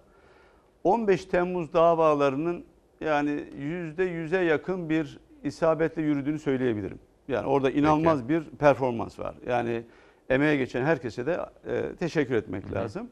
Belki onların şöyle bir kolaylığı var. Ellerinde daha somut veriler var. Şimdi bir bombalama eylemi, işte onların HTS kayıtları, ses kayıtları vesaire. Hani ortada bir daha somut bir e, eylem var. O sebeple 15 Temmuz davalarında hata payı yok denecek kadar az. Yani tümden yok demiyorum ama e, çok güçlü bir performans var. Hakikaten kutlamak lazım. Problem FETÖ davalarından kaynaklanıyor. E, biraz hani başlangıçta ceket yanlış iliklenince öyle devam etti. Bunları e, toparlamaya çalışıldı sonradan ama hala sistem kusuyor birçok yerde. Bunu belki bir yerde de doğal mı karşılamak gerekir bilmiyorum. Şöyle ki hani 27 Mayıs'tan bu yana e, farklı vesayet unsurlarının bir yerde kaldıracı haline gelmiş e, ve çok ciddi problemler içinde barındıran yargının bugün topyekün bir mücadele sürdürmesi zor olabilir. Kaldı ki 4000 civarında da e, FETÖ'cü ihraç edilmiş. E, yeni genç nesilden e, takviyeler yapılmış. Böyle bir zorlukları da var. O sebeple e, şeyde FETÖ davalarında ciddi sıkıntı var. Peki. Şimdi Şamil Tayyar bu sizin bir buçuk yıl önce gündeme getirdiğiniz ve artık literatüre girdi bu FETÖ borsası diye bir şey. Bir de geçen hafta gündeme taşıdığınız bir konu var. O da sizin hem hemşeriniz hem de sevip saydığınız da bir isim Adalet Bakanı. Evet. Dün Numan Kurtulmuş da bu konuda bir açıklama yaptı. Dedi ki tertemiz birisidir. Ömrü boyunca bu terör örgütüyle, bu FETÖ'yle hiçbir yakınlığı, en ufak bir bağı olmamış bir isimdir diye. Tıpkı sizin gibi. Ertesi gün ben Gaziantep yerel gazetelerini de verdim.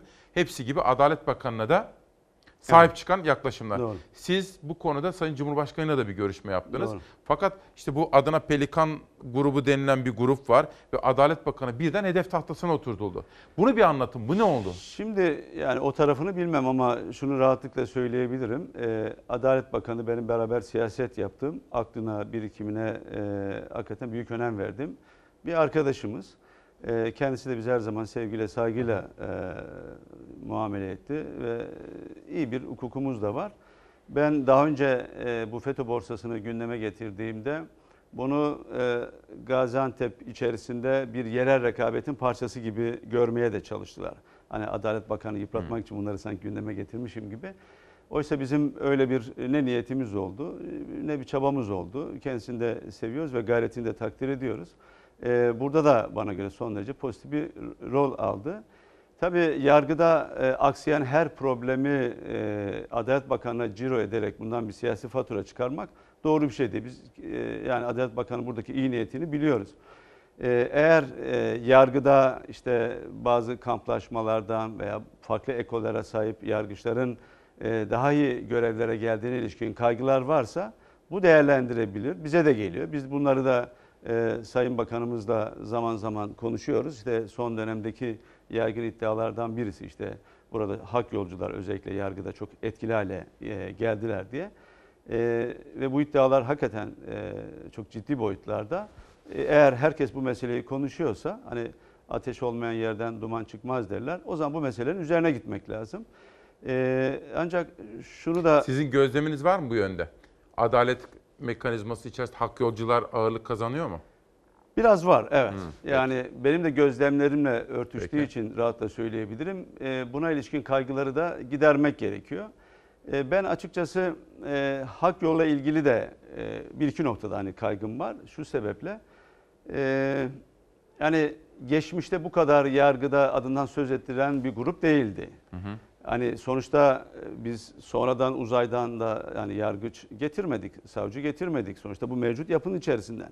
Peki bu kadar yoğunlardı, bu kadar etkinlerdi de ne oldu da bir anda hani son bir yıl içerisinde bu kadar sayıları arttı?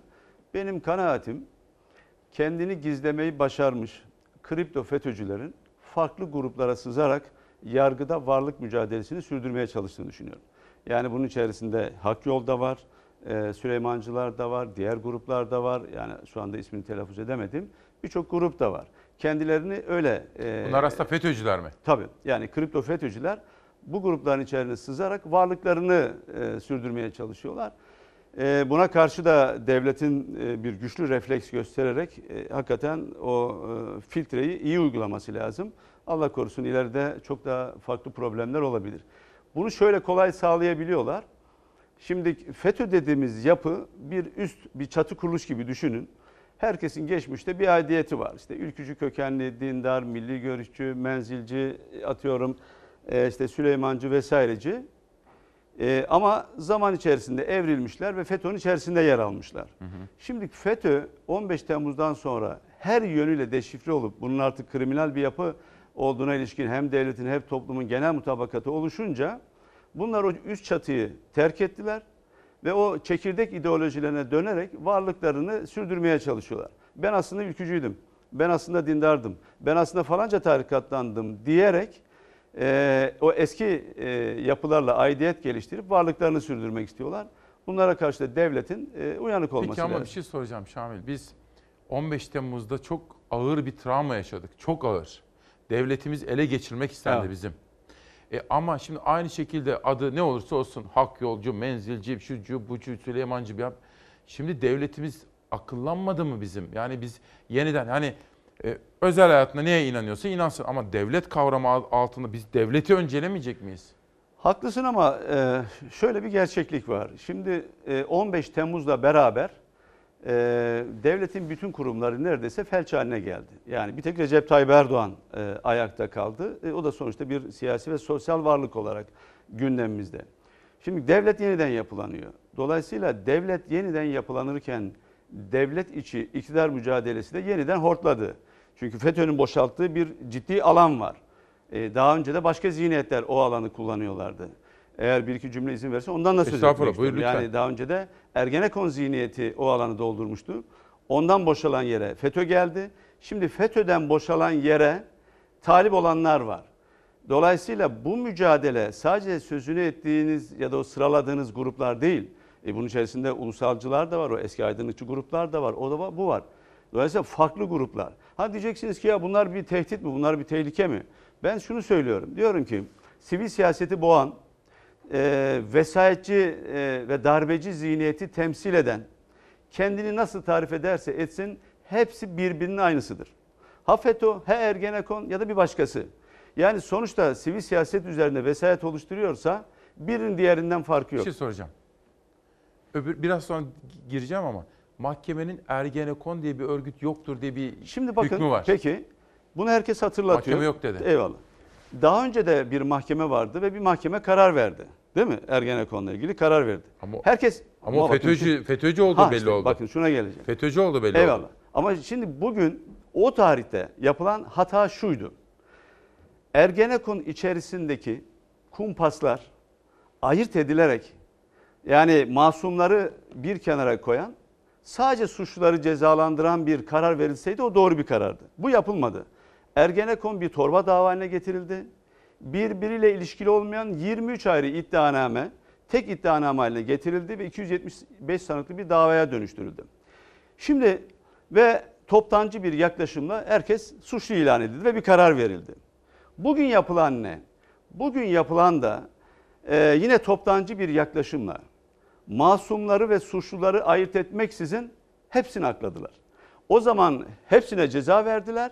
Bu sefer de hepsini akladılar.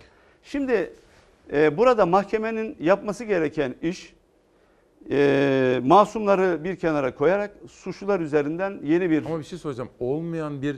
Olur mu? Zaten mahkeme Bak, yok demiyor. Ergenekon terör örgütü yok Hayır diyor. yok demiyor. Hayali. Delil yeter. Hayır. Bakın kararda diyor ki böyle bir örgütün varlığını teyit edecek delil yok diyor. Yani karar delil şey yetersizliğinden soracağım. verilmiş Siz bir karar. şu anda mesela bu kadar şey yaşadık ya. Evet. Siz şu anda Ergenekon diye bir terör örgütü vardı mı diyorsunuz? Ben olduğunu düşünüyorum. O zaman o- Deliliniz var bak, mı sizin? Efendim? Sizin var mı Var deliliniz? var. Var Ya mahkemende de var zaten. Peki mahkeme niye böyle bir karar veriyor? Hakim yerinde ben olsam ben de aynı kararı veririm. Çünkü bu davalar bir yönüyle siyasi davalardır. Eğer arkasında ona omuz veren güçlü bir siyasi irade olmazsa bunu sürdüremezler. Bugün FETÖ mücadelesi de aynıdır. Şimdi davanın sahibi kalmayınca hakim tek başına bu Ama kavgayı, bir bu şey mücadeleyi niye Şamil. versin? Bak, Vermez Ama ki. bir şey söyleyeceğim. Şimdi 17-25 Aralık'ı kim yaptı? Bunlar yaptı. Tamam sorun yok. Ne 27 o? Nisan Gerçek muhtırasını yani? kim verdi? He? 27 Nisan muhtırasını kim verdi? AK Parti'yi kim kapatmaya çalıştı? Recep Tayyip Erdoğan'a siyaset yasağını Bak, kim koydu? 27 Nisan'da ilgili bir Şubat'ı yargılama bile koydu? yok ya. Ama yanlış. Yok Yanlış. yargılama bile yok. Yanlış. Benim anlatmaya çalıştığım şey şu. Ergenekon dediğiniz şey geniş anlamda bir de dar anlamda tarifini yapıyorum. Geniş anlamda Osmanlı'dan Cumhuriyete miras kalmış vesayetçi, darbeci zihniyeti temsil eder. Yargılama konusu olan Ergenekon ise 1999'da kurulduğu varsayılan ve o sözünü ettiğimiz darbeci zihniyetin 99'dan sonraki Dur, bir halkasını şey ifade soracağım. eder. Dur parça parça gö- götürelim. Şimdi Adalet Bakanı dedi, var mı suyunuz? Suyunuz Ha, var. var. Adalet Bakanı Gül dedi ki, aynı maklubeye düne Evet. kadar beraber kaşık sallayanlar Evet. bize dedi FETÖ'yle mücadele dersi vermeye kalkmasın. Bu ne demek? Ya maklubenin e, yani nasıl bir yemek olduğunu bilmiyorum ama kamuoyunda e, yaygın kanaat hani FETÖ'cülerin e, zaman zaman buluştukları ve buluştuklarında da yedikleri yemek olarak e, kamuoyuna yansıdı ve kamuoyu algısı bu böyle. Sonuçta geçmişte FETÖ'yle bir vesile ilişki kurmuş kadroların bugün bize FETÖ'yle mücadele dersi vermesi doğru değildir diyor. Yani dolayısıyla ben tespitinde bir problem Kimi görmüyorum. kastediyor o? Valla onu Sayın Bakan'a sormak lazım. Kimi Siz biliyor musunuz? yani ben sadece sizin gibi sadece tahminde bulunabilirim yani. Cumhurbaşkanı ile konuştuğunuzda bu konu gündeme geldi mi? Yok. Yani bu sefer gelmedi ama öncekinde konuşmuştum. Yani bir buçuk gün önce konuşmuştum. Nasıl konuşmuştunuz? Şöyle onda zaten Sayın Adalet Bakanımız da vardı. Ee, kamuoyuna yansıyan konuları biraz daha açarak detaylandırdım ve Sayın Cumhurbaşkanımız e, inanılmaz bir ilgi gösterdi. Bu iddiaların hepsi çok önemli ve sonuna kadar üzerine gitmeliyiz dedi ve talimat verdim. Şöyle Ama ondan sonra da birçok şey değişti onu da söyleyeyim. Hı. Ee, mesela çok sayıda hakim ve savcının görev yeri değişti. Başta Gaziantep olmak üzere. Yani ciddi bir ayıklama da oldu. Şu iddianızın arkasında mısınız? Adalet Bakanı'nı hedef tahtasına oturttular ya. Evet. İhtimal dahilinde olan bir kabine değişikliğinde Adalet Bakanı yemek isteyen AK Parti'nin içindeki güçlü çevreler bunu yaptı? Yani böyle niyette olanlar e, muhtemeldir ki vardır. Çünkü durup dururken hani bu yaklaşım niye ortaya kondu? Oysa ben bir buçuk yıl önce bu mevzuyu gündeme getirdiğimde e, belli çevreler beni suçladılar. Yani Adalet Bakanlığı ve Sayın Cumhurbaşkanımızı yıprattığımız varsayımdan hareketle. Oysa ben sadece yanlış işlerin e, ayıklanmasını isteyen ve e, adalane duygularla hareket eden birisiydim. Siz çünkü AK Partilisiniz halen AK değil mi? Tabii canım ben Şahin Bey Teşkilatı'nın üyesiyim yani Gaziantep'te. Ee, şimdi e, o tarihte bizi hedef tahtasına koydular. Yani yıpratıcı bir açıklama yapıyoruz diye. Peki ne oldu da bir anda dün e, beni suçlayanlar bir çırpıda e, bunları gündeme getirip Adalet Bakanı üzerinden bir siyasi fatura çıkarmaya çalıştılar. Ben bu yaklaşımı doğru bulmadım yani. Sevgili Şahmet Aya sen de çok iyi takdir edeceksin. Bizim bağımsızlığımızın yegane teminatı reklamlar. Evet. Şimdi reklamlara gidelim sonra devam edelim. Evet. Bugün Barış Terkoğlu'nun bir yazısı var. Evet. Çok yapıcı bir dille, yalın bir dille Sayın Cumhurbaşkanı'nı ona sesleniyor ve Cumhurbaşkanı daha fazla kirlenmekten kurtaralım diye bir çağrısı da var. Bu da diğer konuları da birazcık daha konuşalım. Efendim izin verirseniz bir reklama gidelim. Ben de konuğuma bir sade kahve ikram edeyim. Sonra buluşalım. Bir kere daha hoş geldiniz. Günaydın. 26 Eylül 2019 günlerden Perşembe İsmail Küçükkaya ile Demokrasi Meydanı'nda Şamil Tayyar var. AK Partili bir isim. Geçmişin gazetecisi, AK Partili milletvekili yapmış bir isim, önemli bir isim. FETÖ borsası kavramını gündeme getiren bir isim. Şimdi çok soru var. Ben o arada kahvemi içerken birazcık da sorulara baktım. Eleştiren var, kızan var, destekleyen var, Ergenekon dediniz diye öfkelenen var. Hepsini konuşmak istiyorum. Barış Terkoğlu'nun e, yazısını özetlesin. Ergenekon'la ilgili şöyle bir cümleyle o Biraz faslı... sonra girelim Tamam. mi? Dur. Çünkü parça parça gidelim. Tamam. Kafamda da bir, bir iki soru var. Şimdi yönetmenim hazır mıyız? Şimdi bir tane dün bir haber hazırlattık arkadaşlarımıza. O haberi izleyelim. Daha sonra Şamit Tayyar'ın yorumuyla böyle parça parça gidelim. Buyurun. Ben şunu asla içime sindiremem. Savcıya seslenip kül tablasını getir buraya sigaramın külünü dökeceğim dediği zaman Erdoğan'ın avukatı savcı koşa koşa gidip kül tablasını getiriyor. Böyle bir tabloyu benim vicdanım kaldırmaz. Adalet de kaldırmaz. Hakimler Savcılar Kurulu'nun da kaldırmaması lazım. Sarayın emirlerini hakimlere ve savcılara böyle iletiyorlar. İddiasını sürdürdü CHP Genel Başkanı Kemal Kılıçdaroğlu. Sorduğu soruların hedefindeki isimler aynıydı. Cumhurbaşkanı Erdoğan'ın avukatları ve o avukatların savunduğu Fettah Tamince. Tamince, RSFM'de Atilla Güner'e konuştu ilk kez. Kendini savundu. Bazı kararlar aleyhime olunca farklı, lehime olunca farklı bir yaklaşımı doğru bulmuyorum. Adalete güveniyorum. Yargıtay'a giden dosyada bir süreç yaşanıyor. Lehte aleyhte sonuçlanabilir. Bekleyeceğiz adaleti. Fettah Tamince radyo programında kendisini savunmuyor. CHP ile demagojiye girerek günü kurtarmaya çalışıyor. Adalet Bakanı uyarıyoruz. Bakın şunu beraat ettir diyor. Çünkü bana 5 milyon dolar para verdi diyor. Bu mudur adalet?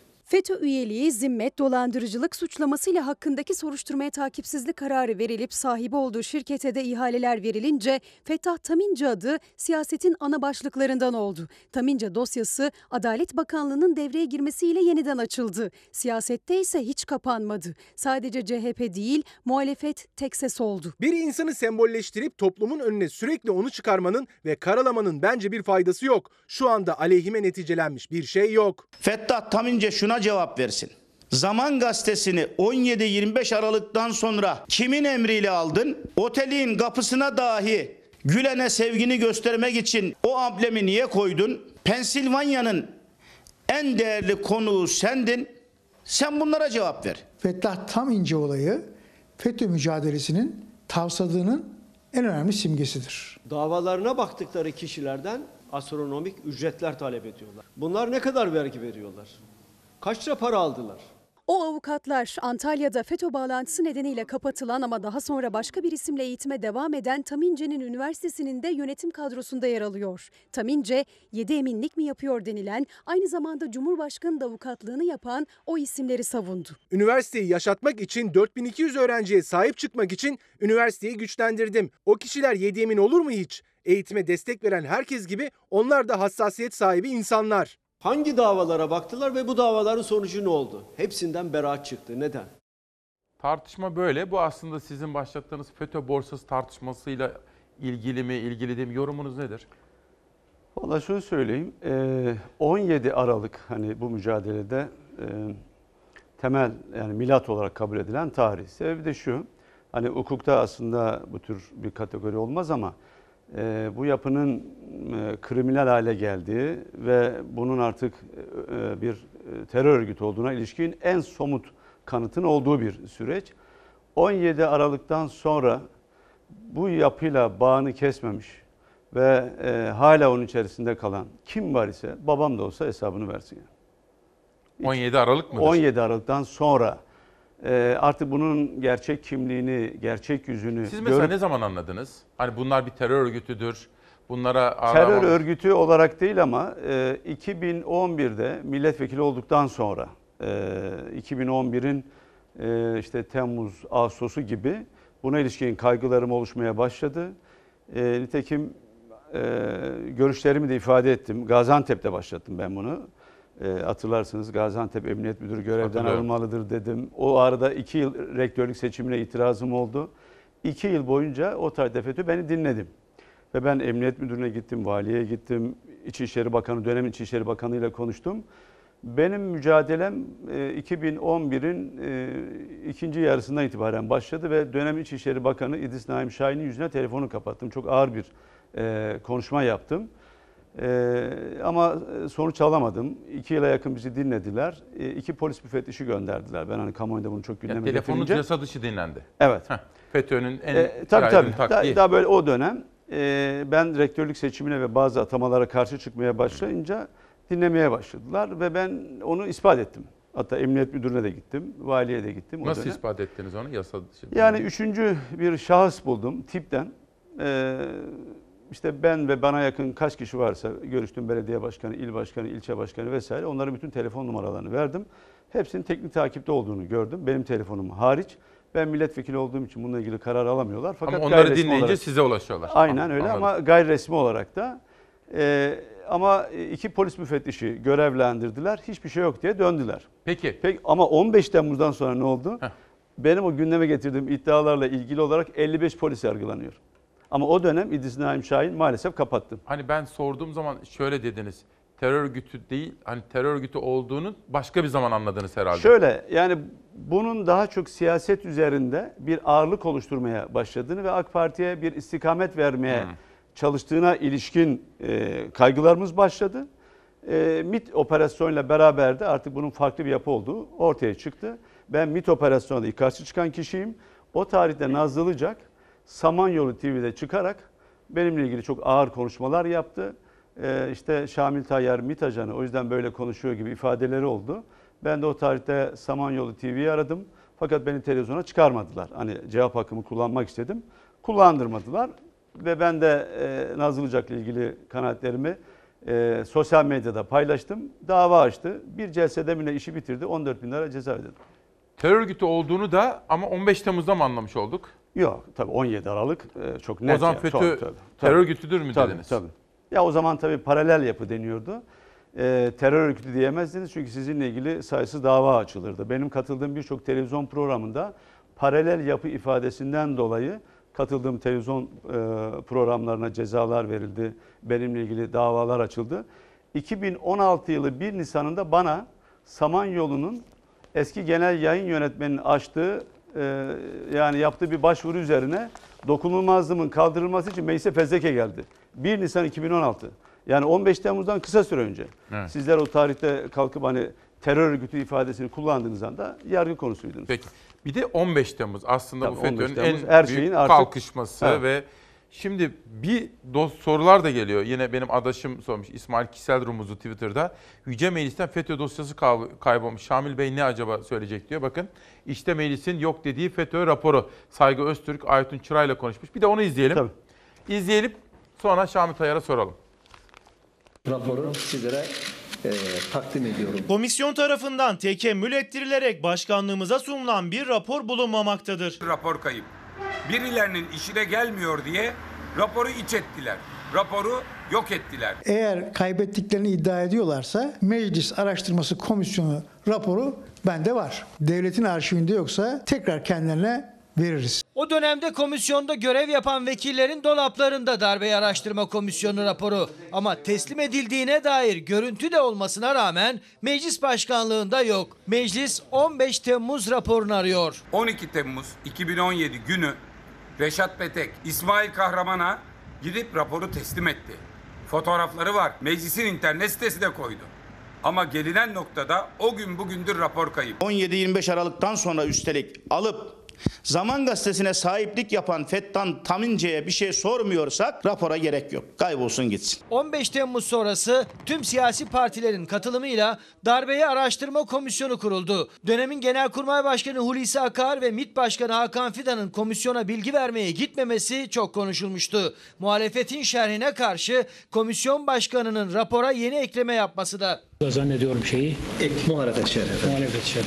Tartışmalar arasında Darbeyi Araştırma Komisyonu Başkanı Reşat Petek hazırlanan raporu dönemin Meclis Başkanı İsmail Kahraman'a sundu. Ancak aradan iki yıl geçmesine rağmen rapor basılmadı. Genel kurulda görüşülmedi. CHP Grup Başkan Vekili Özgür Özel de bir soru önergesiyle rapor nerede diye sordu. AK Parti Meclis Başkan Vekili Sadi Bilgiç başkanlığımıza sunulan rapor bulunmamaktadır yanıtını verdi. Bu raporun basılmasından kim rahatsız oluyorsa o geceyle ilgili şüpheleri üzerine topluyordur. Bunu da herkes böyle bilsin. 15 Temmuz darbe girişimini araştırma komisyonu raporu tekemmül etmediğinden 26. yasama dönemi içinde bastırılarak dağıtılamamıştır. Ben Selçuk Özdağ olarak komisyon başkan vekili olarak hayır yalan söylüyorsunuz. Benim onurumla oynuyorsunuz, şerefimle oynuyorsunuz derim. Komisyonun başkan vekilini yapan eski AK Partili Selçuk Özdağ gibi raporu elleriyle İsmail Kahraman'a veren Reşat Petek de tepkili. Fox Haber'e konuştu. Rapor Meclis Genel Kurulu'na indirilip görüşülemedi demeleri gerekirdi. Tekemmül etmedi demek beni ve komisyonu töhmet altında bırakmaktır. Bunu kabul etmem. Ben raporu teslim ettim. Kaybedenler de görevi ihmalden ya da görevi kötüye kullanmaktan haklarına tahakkat açılması gerekir. Meclis Başkanlığı'nın yok dediği rapor komisyon üyesi İyi Partili Aytun Çıray'ın meclisteki dolabında. Bizim bu raporu verdiğimiz Sayın Karaman'ın damadı FETÖ kaçağı. Tabii damadı FETÖ'den kayıp olan bir meclis başkanının bizim raporu da kaybetmemesi sürpriz olurdu. Gürcan Dağdaş da diyor ki Şamil Bey'e sormak isterim diyor.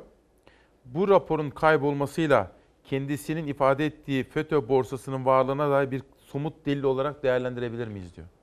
Yani onu bilemiyorum olabilir ama eğer gerçekten kaybolmuşsa çok vahim bir şey. Ee, komisyon başkanı da ifade ediyor, raporu teslim ediyor. Zaten görüntüler de var ortada. Bununla ilgili meclis başkanının ivedi bir şekilde soruşturma açıp sorumlularla ilgili işlem başlatması gerekir. Ee, tekemmül etmedi ifadesini de ben açıkçası yanlış buluyorum. Sonuçta bitmiş, herkesin altına imzasını attığı bir rapor. Kaldı ki e, niye e, kaybolduğunu da çok anlamadım. Rapor öyle çok hani Peki. FETÖ FETÖ işini deşifre eden bir rapor değildi. Çok eksik yanı vardı yani. Şamil Tayyar bir şey soracağım. Çok kitaplar da yazan Evet. birisiniz. Çok okuduğunuz da bilirim. Mesela bu Barış Terkoğlu ile Barış Pehlivan'ın kitabı var. İşte Metastas. Evet. Ondan sonra Toygun Atilla'nın kitabı var. Hani bu FETÖ ile mücadele bugüne dair o kitapları okudunuz mu? E, Metastas'ı okudum. E, diğerini okumadım. E, zaten ondan önce de benimle de görüştüler. Yani ben de bazı kanaatlerimi paylaştım onlarla. Barışlar mı? Evet. E, ama ben şunu söyleyeyim. Yani o kitaplarda özellikle e, diğerinde e, çok fazla hani yeni şey görmedim açıkçası. Hani işte Fethullah Gülen'in 1986'da e, şey olması, e, yakalanması, sorgulamasına buna defalarca... Ama tutanaklar falan var ya orada da. Şöyle mahkeme tutanakları ile ilgili ama yani Hani o kişilerin- FETÖ'yü şöyle belki hani e, bu süreçleri yakından takip etmeyenler için e, yani aydınlatıcı olabilir. Ama bende çok fazla bir heyecan uyandırmadı. Yani böyle çok e, çok özel bilgilerin e, yer aldığı bir kitaplar Ha gibi şöyle, gelmedi Toygun'un ama kitabı, değil mi? Kitabından evet ama. Metastaz'da e, orada biraz ana- analizler falan da var. Onu biraz daha önemsiyorum yani. Toygun'da mesela şöyleydi. İşte Fethullah Gülen yıllar evvel Adana mıydı bir yerde yakalanıyor. Onun serbest bırakılma sürecinde yalan ifade veren 15 kişi hepsi yurt dışında. İşte 13 kişi diye ben On- hatır- 13 13, olabilir, kişi diye o- hatırlıyorum. Ee, doğru yani ama bunlar böyle hani çok yeni bilgiler değil tabii son. Peki. Bakın eğer bununla ilgili e, gerçek bir kaynak istiyorlarsa şunu söyleyebilirim. Hiç böyle isme misme de girmeye gerek yok. 14 Temmuz 2016 tarihli e, çatı iddianame var FETÖ ile ilgili. E, Serdar soyadını hatırlamıyorum savcının hazırladığı. Şu anda da yargıta üyesi oldu bildiğim kadarıyla. O iddianame bin küsür sayfa ekleriyle falan çok yoğun. yeter mi? Özellikle araştırmacılar için mutlaka okumaları gerekir. Orada FETÖ yapılanmasını 1966'da başlatıyor ve günümüze kadar getiriyor. Hangi evrelerde güçlendiğini ortaya koyuyor. Özellikle 12 Eylül ve 28 Şubat sürecinde sıçrama yaptığını anlatıyor. Ben de ona ilave olarak şunu söyleyeyim. Ee, AK Parti 27 Nisan muhtırası ve AK Parti kapatma davasının açıldığı süreçte de bir üçüncü sıçramayı yapıyor. Orada çok özel ve aydınlatıcı bilgiler var. Araştırmaya hevesli olanlar için söyleyeyim. Peki şimdi Barış Terkoğlu iki gün önce buradaydı. Şimdi diyor ki uzun bir analiz yapıyor ve Sayın Cumhurbaşkanı'na bir çağrıda bulunuyor. Cumhurbaşkanının... Ama şunu söyleyeyim çok Evet. özür diliyorum. Yani o çabaları önemsiz bulduğumdan yok, değil. Ha, anladım. yanlış anlaşılmasın. Herkes sonuçta Ama bir çok em- kitaplar da e, Bak e, herkes bir emek veriyor sonuçta. Tabii. Ben o emeğe saygı duyarım. E, ama zaman zaman e, böyle farklı kişilerin gündeme getirdiği parçaları birleştirerek Peki. derli toplu koymak da önemli bir beceri. Haftaya Toygun Atilla da Evet. buraya gelecek. Cumhurbaşkanının hem kendisine hem avukatlarına Barış Terkoğlu'nun yazısı hem de Türkiye'ye yapacağı bir iyilik var. Antalya'daki Fethul, Fethah Tamimci Tamam. soruşturması ve hatta Türkiye'deki başka FETÖ soruşturmalarının sağlıklı yürüyebilmesi için Ahmet Özel, Mustafa Doğan İnal, Ahmet Kürşat Köhle gibi avukatlarını arz etmek. Yani diyor ki bu avukatların ismi çok geçiyor. Adliyelere Cumhurbaşkanı avukatı gidince savcılar bile düğmelerini ilikliyorlar ve işte şöyle şöyle şeyler oluyor. Çekilsin diyorlar. Cumhurbaşkanı avukatları bu işin neresinde? Şimdi onu bilmiyorum. Yani ben o saydığınız avukatların sadece birini tanıyorum. Diğerlerini tanımıyorum. Hangisini tanıyorsunuz? Ee, Mustafa Doğan İnal'ı tanıyorum. Hemşerim olduğu için. Bu Fetah Tamimce meselesi gündeme geldiğinde de kendisiyle konuştum. Ben Fetah Tamimce'nin avukatı değilim dedi. Ee, bir iki şirketinin galiba e, avukatı ama mahkemede onu savunan bir avukatı olmadığını ifade etti. Ee, dolayısıyla ben son dönemde biraz da hani e, bunların tartışma konusu olmasının hani Sayın Cumhurbaşkanımıza doğrudan söyleyemeyenler biraz etrafı üzerinden hani e, laf söylemeyi yeğliyor. Ama Fethat Tamimce meselesini önemsiyorum. Sonuçta Adalet Bakanlığı'nın kanun yararına bozma girişimi önemli. E, muhtemeldir ki bu konuyla ilgili fazla spekülasyon yapılması belki. Belki yani bir doğal bir süreç olarak devam etti. E, buna sonuçta en üst mahkeme bir karar versin. Hani e, Berat Kara ile ilgili. Sonuçta konu Yargıtay'a gidecek. Kanun yararına bozma Adalet Bakanlığı üzerinden işlediği için o mekanizma rutin bir mekanizma. Bunu önemsiyorsunuz. Evet kesinlikle. Ama şunu da altını çizeyim. Yani şahıslardan bağımsız olarak. e, kim bu işlere bulaşmışsa 17 Aralık'tan sonra özellikle tavır koymayıp hala varlığını devam ettirmişse herkes babam da olsa çıksın hesabını versin kardeşim. Şimdi yüzde yüz hukuk dairesinde kalsalar bile Evet.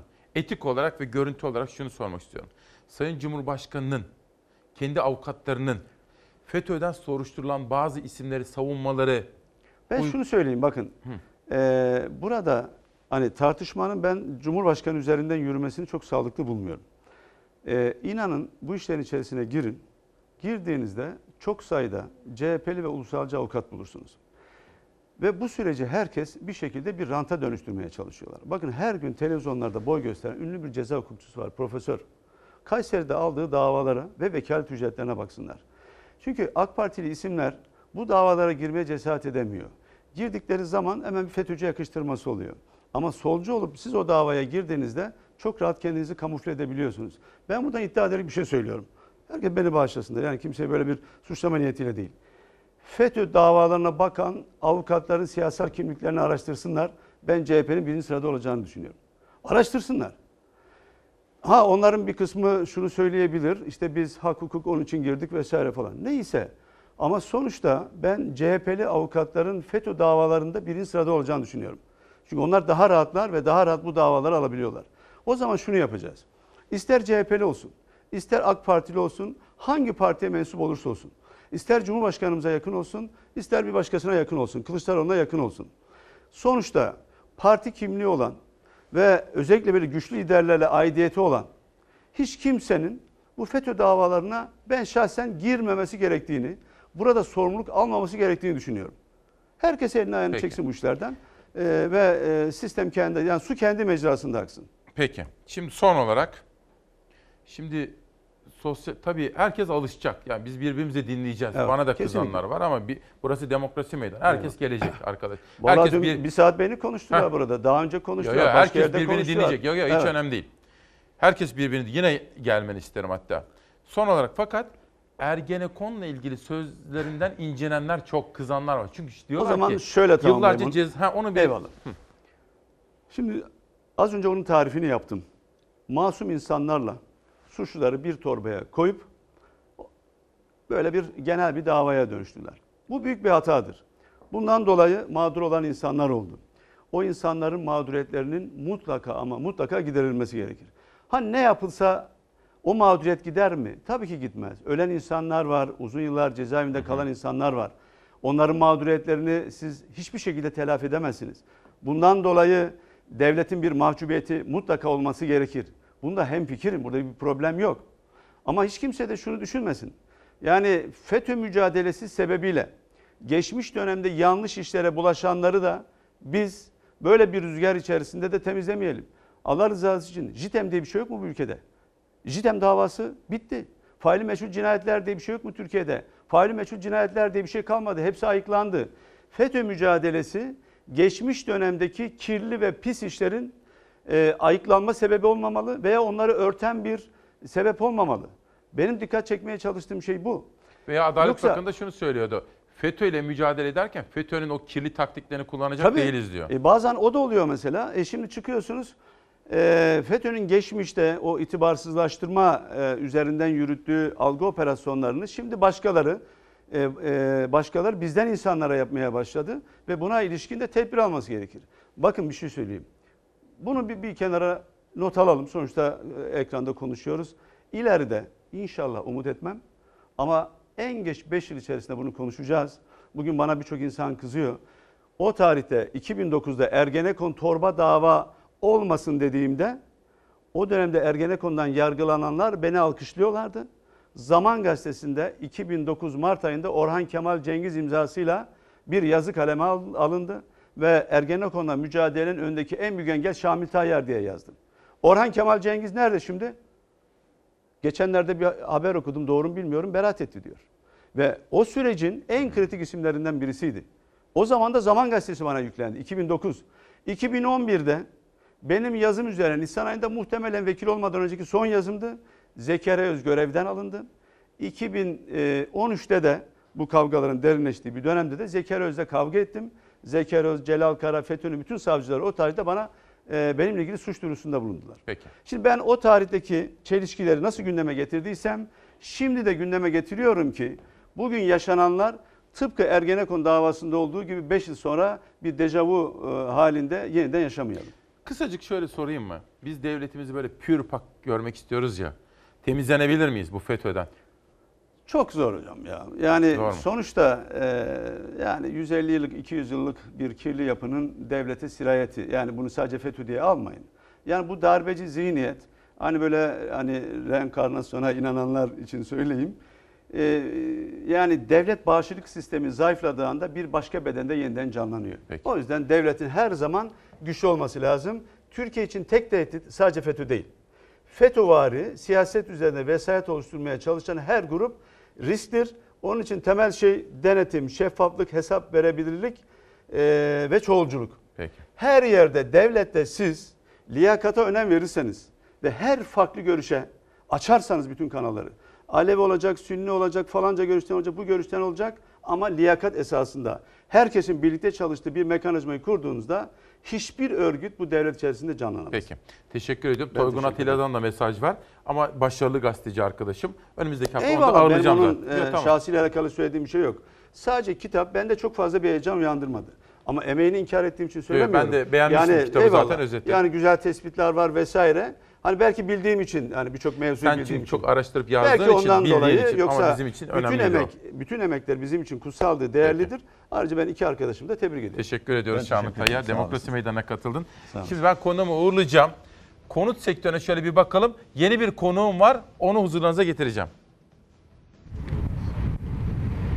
Ev satışları bir önceki yıla göre düştü. Konut sektöründe gelen teşvikler satışları arttırsa da beklenen canlılık henüz yakalanamadı. Ev alan yabancı sayısı ise bir önceki yıla göre %70 arttı. Konut sektörü hareketlensin diye devlet bankaları Ağustos ayında faizde indirime gitti. 0,99 faiz oranıyla kredi imkanı sunuldu. Devlet bankalarını özel bankalar da izledi. Onlar da konut kredilerinde indirim yaptı. Kredilerin nispeten düşmesiyle konut sektöründe bir hareketlenme oldu ama beklenen canlılık henüz yakalanamadı. Ağustos ayında artış %5'te kaldı. Ağustos ayında Türkiye genelinde 110.538 adet konut satışı gerçekleşti. Satışların daha da artması bekleniyor. Konut satışlarında en çok yabancıların talebi artıyor. Sektördeki daralmaya rağmen ev alan yabancı sayısı bir önceki yıla göre %68,86 arttı. Sektördeki durgunluğu azaltmak için Arap ülkelerinden Türkiye'ye yatırımcı gelsin diye fuarlar düzenlenmeye başladı. Arap iş insanları özellikle İstanbul'u sevdi. İstanbul'a emlak çıkarması yaptı. 1500 Arap e, ciddi müşterilerimiz ve Arap yatırımcımız olacak. Gayrimenkul proje geliştirme ve finansman fuarı kapsamında 1500 Arap yatırımcı Türkiye'deki gayrimenkul firmalarıyla bir araya gelecek, yatırım fırsatlarını değerlendirecek. Bu fuarın hedefi e, e, Türkiye'de ihracatın arttırması, ciddi bir zirve çalışması yakalamış olur oluruz ve e, ülkemize ve Arap ülkelerde çok fayda sağlayacak. Tabii ekonomiye de bakacağız. Şunu da söyleyeyim arkadaşlarım beni uyarıyorlar. Son dakika gelişmesi. Kamu bankaları yani devletimizin bankalarının yeni bir hamlesi geldi. Otomotiv sektörü ilgi istiyordu, destek, teşvik bekliyordu ve kamu bankaları bu manada harekete geçtiler. Özel bir kredi kampanyası başlattılar ve detaylar gün içinde şekillenecek. Akşam ana haberimizde yarın da çok detaylı olarak çalar saatimizde sizlere onu aktaracağız. Yani otomotiv sektörünün aradığı can suyu için kamu bankaları da devreye girdiler ve araç satışlarını teşvik etmek için mekanizmalar çalışmaya başladı. Gün içerisinde bu konuyu araştıracağız. Şimdi sizi bir kızımızla tanıştıracağım.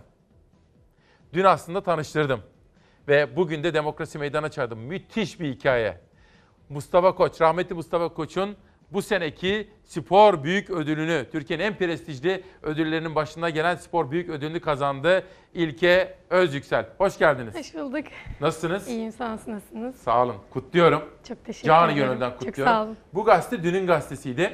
İlkemiz asla pes etmemek. Bu sözü sizden aldım. Hatta bugün o basın toplantısını hani Karolin Koç ve sizin bize bilgi verdiğiniz o basın toplantısını izlerken yanımda Elif Ergu vardı. İkimiz de biraz böyle gözyaşları içerisinde yapmıştık. Elif Ergu da bugün yazmış. Aynı başlığı atmış. İlkemiz vazgeçmemek diyoruz. Şimdi bakın. Şimdi önce sizi şöyle bir tanıyalım. Buyurun. Ee, İlke Özyüksel ben. 22 yaşındayım. Ankara'da doğdum, büyüdüm. Hala orada spor hayatıma devam ediyorum. Ee, çok küçük yaşta sporla annem sayesinde tanıştım. Ee, çok enerjik olduğum ve spor e, yapmayı yani hep koşuyormuşum aslında. Spor yapmayı sevdiğimi oradan söyleyebilirim ama hep dışarıda oynayıp büyüyen bir çocuk oldum. Annem de hem spor branşlarını öğrenmem için hem de enerjimi e, atmam için beni yüzmeye yönlendiriyor. Ankara'da nerede oturuyorsunuz? Ee, Altındağ'da. Altındağ'da Örnek oturuyorsunuz. Mahallesi'nde, Evet. Sonrasında e, ben yüzmeye başlıyorum. E, yüzmede lisansım çıkıyor. Hı hı. Yüzme yarışlarına giriyorum ve kulübüm bir gün beni atletizm sahasına çağırıyor. E, tabii ben yanında havuz olduğu için ve yüzücü olduğumuz için hiç böyle bir şey düşünmüyorum. Kot pantolon ve terlikle gidiyorum hı. ilk antrenmanıma. E, sonrasında annemin spor ayakkabısıyla ve kot pantolonla ilk koşu antrenmanımı atletizm sahasına Koşmayı çok atıyorum. seviyorsunuz. Evet çok seviyorum. Hatta her yere koşarak gidiyorum. Zaman kaybı olarak görüyorum. Hala marketlere bile koşarak gidip geliyorum. Fakat sizin spor branşınız çok bilinmiyor aslında. Evet. Fakat dünyada çok saygın bir spor branşı. Çok zor.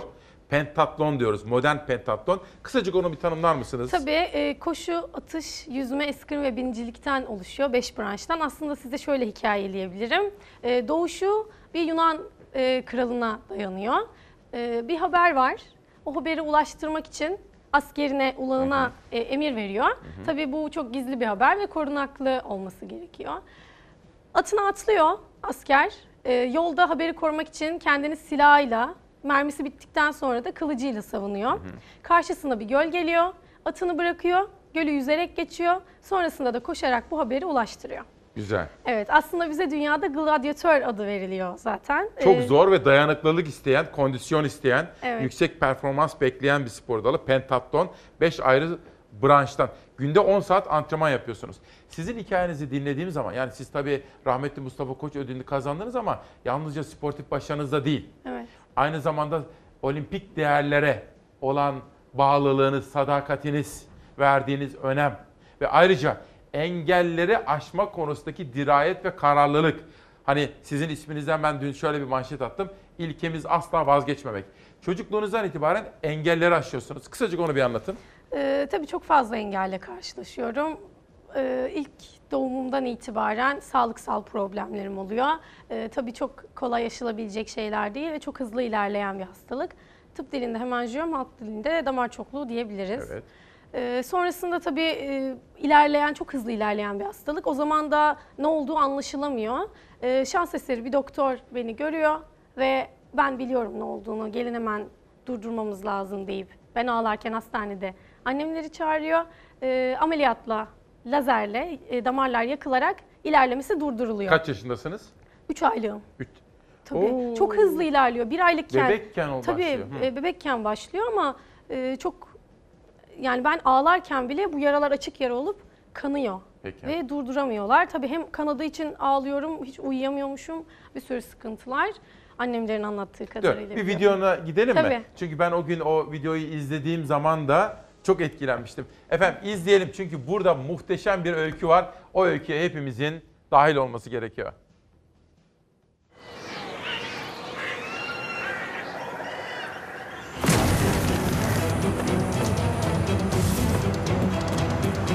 Bir şeyi ilk yapan siz olduğunuzda her şeyle tek başınıza mücadele etmeniz gerekir.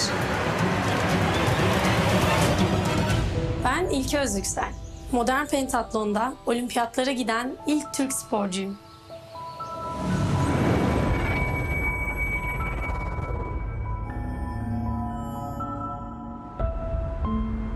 Ankara'da doğdum. Burada telsizlerde büyüdüm, Altındağ'da. Doğdum doğduğumdan beri burada yaşıyorum. Biraz şanssız bir start aldım aslında. İki haftalıkken hemanjiyom hastalığına yakalandım. Ee, halk dilinde damar çokluğu diye geçiyormuş. Ve yılda bir iki ameliyat ola ola e, tedavi etmeye başladılar. Bundan çok daha kötüydü. Şimdi belli bile olmuyor diyor insanlar. Bebekliğinde e, ben onu ayna karşısında severdim. Yani o kendini görsün, bilsin. Küçükken çok fazla fark etmiyordum zaten. Hatırlamıyorum öyle bir şey. Çünkü hani hep arkadaş oluyorlardı. Sonra işte e, yavaş yavaş uzaklaşmaya, arkadaş olmak istememeye başladılar. İşte o zamanlar çok ağlardım. Tabii gizli ağlardım yani. Onlar onlar hiç görmez. Ben her gece ağlardım. Onlar hiç bilmez. Hala bilmiyor. Yüzme ve buz pateniyle başladık ilk başta. Yıldızlar Dünya Şampiyonu oldum. Avrupa üçüncüsü oldum. Gençlerde Avrupa şampiyonluğu ama işte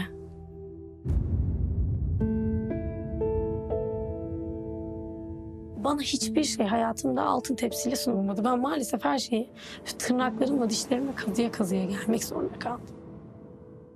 Ve İlke Özyüksel o şu anda dünya rekorlarını elinde bulunduruyor. Avrupa şampiyonlukları var ve şimdi olimpiyat şampiyonluklarına hazırlanıyor ve ama hikaye aslında burada başlıyor sadece. Bundan Evet. sonrası çok heyecanlı. Çok çok uzun hayallerim, uzun hedeflerim, büyük hedeflerim var. 6 olimpiyat tabii taçlandırabilirsek 4 madalya ile birlikte 20 yıllık bir süreç. Şimdi engeller var. O engelleri aşarken size yardımcı olanlar. Bir, anneniz. Anneniz kalbiyle gören birisi. Evet. Görme engelli. Fakat muhteşem bir kadın. Teyzeniz, Işıl ya da Işık öğretmen diye bir şey hatırlıyorum. bir Işıl öğretmen. Hoca, ilkokul öğretmeni. İlkokul öğretmeniniz. evet. Ben böyle bir sosyal medya taramasında da yapmıştım çünkü. Fakat sonra bir anlatın bize. Nasıl oldu bu? Pentatlon nasıl oldu? Ya e, tabii ben 18 yaşına kadar araba kullanamadığım için hep babam benimle birlikte oldu. Hep o getirdi götürdü.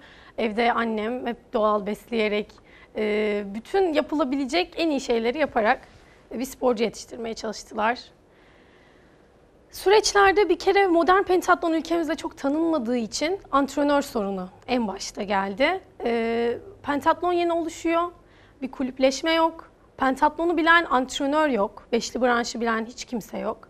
Yani koordinasyonunu, koordinesini yapamıyoruz. Branş antrenörlerinden faydalanıyoruz. Ee, çok yeni hocalar e, bu ki bu dünyada da problem sadece Türkiye'de değil. Ee, örneğin branş antrenörleriyle çalışıyorsunuz ama bu çok uzun soluklu olamıyor. Ee, çok istemiyorlar. Mesela 5 ayrı branşta antrenman yapıyorsun. Evet. O nasıl? O gün biz anlattığınızda yani antrenman yapma mekanizması bile zor. Onu bir anlatın. Şu Eryaman'a gidiyorum dediniz. Onu bir anlatın bize. Nasıl Tabii, yapıyorsunuz? e, bir günümü örnek vereyim. Sabah 7.30'da yüzme antrenmanım oluyor. Evden Eryaman'a gidiyorum. 25 dakika yarım saat arası bir yol. E, Olimpiyat Hazırlık Merkezi'nde yüzme antrenmanı yapıyorum. Çıkıyorum, e, kahvaltı yapıyorum. Harika bir olimpiyat hazırlık merkezimiz var. E, sağ olsunlar bize her imkanı sağlıyorlar. Yemeği yedikten sonra eskrim antrenmanına geçiyorum. Eskrim antrenmanım 12-12.30 gibi bitiyor. Yine yemek yiyorum. Yemekten çıkıyorum, bincilik antrenmanına gidiyorum. O da Beştepe Atlı Spor Kulübü'nde. Orasının arası da yaklaşık 20 dakika. Bincilik antrenmanımı bitiriyorum. Ee, sonrasında saat 4-4.30 olmuş oluyor. Ee, atletizm sahasına gidiyorum. Orada kombinasyon günüm olduğu için kombinasyon yapıyorum. Tabii öncesinde kombinasyon dediğim atış ve koşu. Ee, atış ısınmasıyla başlıyorum. Ee, yaklaşık yarım saat 45 dakika atış ısınmam sürüyor. Arkasından koşu ısınmasına. Sonrasında da ana set dediğimiz e, kondisyon, kombinasyon antrenmanı Güzel. yapıyorum. Şimdi elinizde hangi rekorları tutuyorsunuz? 7 tane dünya rekoru, yıldızlar ve gençler toplam puan. Yıldızlar, gençler ve büyüklerde de kombinasyon, koşu ve atış dünya rekorları şu an bana ait. Bu Mustafa Koç ülkemizin en prestijli ödülü. Fakat bu sadece işte şampiyonlara, sportif başarısı olanlara verilmiyor. Bunun arkasında bir mantık, bir felsefe var. Mustafa Koç'un hayatıyla, hobileriyle, spora olan ilgisi, Atatürk'e olan düşkünlüğü ile bir arka planı var bunun. Evet. Nasıl duydunuz? Nasıl haberiniz oldu? Ee, Ben ödülün ilk verileceği yılı hatırlıyorum. Televizyonda gördüğümde, daha doğrusu kime verildiğini öğrenmeden önce o kadar istemiştim ki. Yani bil- bilmiyorum böyle içimden ya dedim hiçbir şey değil de şu ödül alsam çok özel olur benim için. Ee, sonrasında tabii al, alan kişileri gördüm. Çok değerli spor arkadaşlarımız, ablalarımız, abilerimiz. Ee, dedim ilk senin yolun daha uzun. yani olimpiyat şampiyonlarımız, dünya şampiyonlarımız alacak. İnşallah sen de olduğunda aday gösterilirsin ve umarım alırım. Niye sizi seçtiler? Ee, zaten bana ilk haberi geldiğinde performanstan ziyade çünkü benden çok daha iyi performansa sahip Türkiye'de atletlerimiz, sporcularımız var. Ee, aklıma direkt yaşadığım zorluklar geldi. Ve o zorlukları aşma konusundaki Evet. dirayetiniz, kararlılığınız. Mustafa Koç'la ilgili bir küçük bant hazırladık. İzleyelim arkadaşlar. Ben tatloncuyum diye beni en son kullara atıp beni dinlemez, bana bakmazlardı bile antrenörler. Ama ben o kenarda antrenörün başka sporculara neler dediğini dinleye dinleye. Böyle ağzından ne çıkarsa onları yapa yapa kendi kendime bir yerlere gelmeye çalıştım ve yüzümü geliştirdim. Hem antrenör yok, hem bireysel antrenman yapmak zorundasınız, hem de yüksek performansla yapmak zorundasınız. Tamam diyorum artık e, gençlik olimpiyatlarından döndükten sonra ben bırakayım.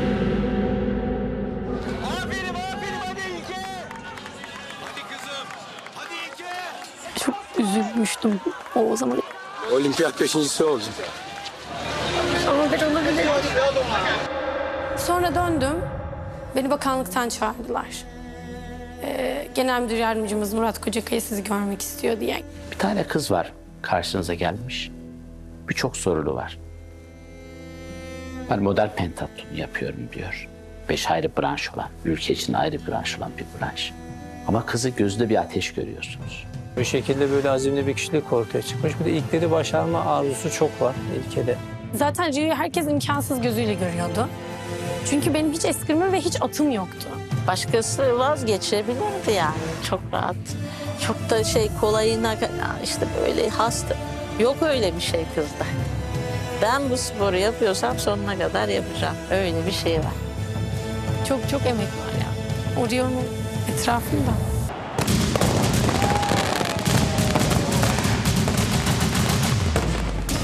Önünüzde iki yol var burada. Ya savaşırsınız ya vazgeçersiniz. Bunun ortası yok. İlke savaşı.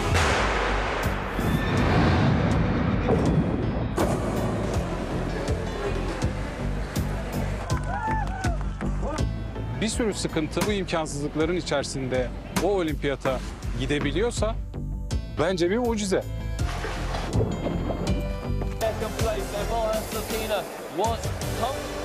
Antrenörler duyuyorum hep sporcularına ilke arkada geliyor diye bağırıyor.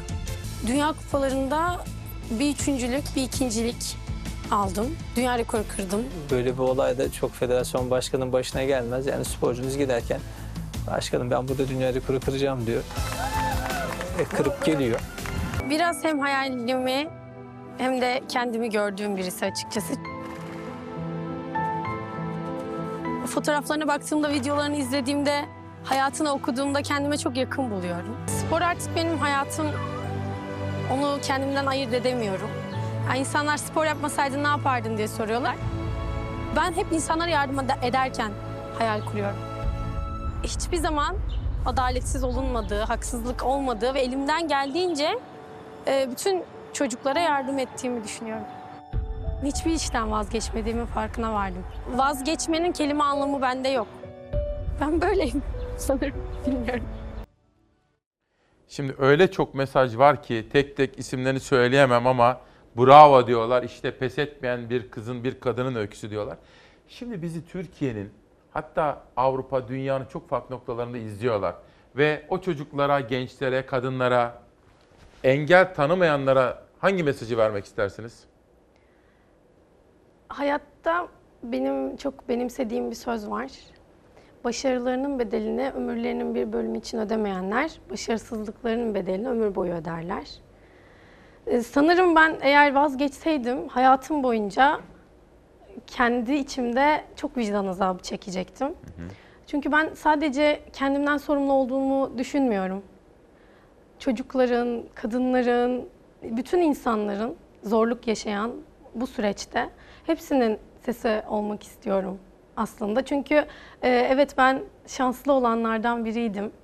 E, vazgeçmedim ama çok da iyi insanlarla karşılaştım. Hep e, tamam şimdi bitti dediğim yerde önüme hep çok güzel imkanlar çıktı ve beni devam etmek için e, itelediler diyebilirim.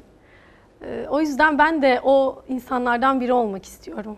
Tam ihtiyaç duyulan yerde insanlara el uzatmayı çok istiyorum. Üniversiteyi bitirdiniz. Evet. Master yapıyorsunuz. E, başlayacağım. Daha yeni Master'a bitirdim çünkü bu sene. Şimdi sizden altın madalya bekliyoruz olimpiyatlarda. Başarı bekliyoruz. İnşallah. Sportif başarıların yanı sıra olimpik değerlere bağlılığınızın da sadakatinizde devam etmesini istiyoruz. Sizi canı gönülden milyonlarca izleyenim adına tebrik ediyorum. Çok teşekkür ederim. Sizi uğurlayacağım. Ama önce bu haklı gurur Fox'un.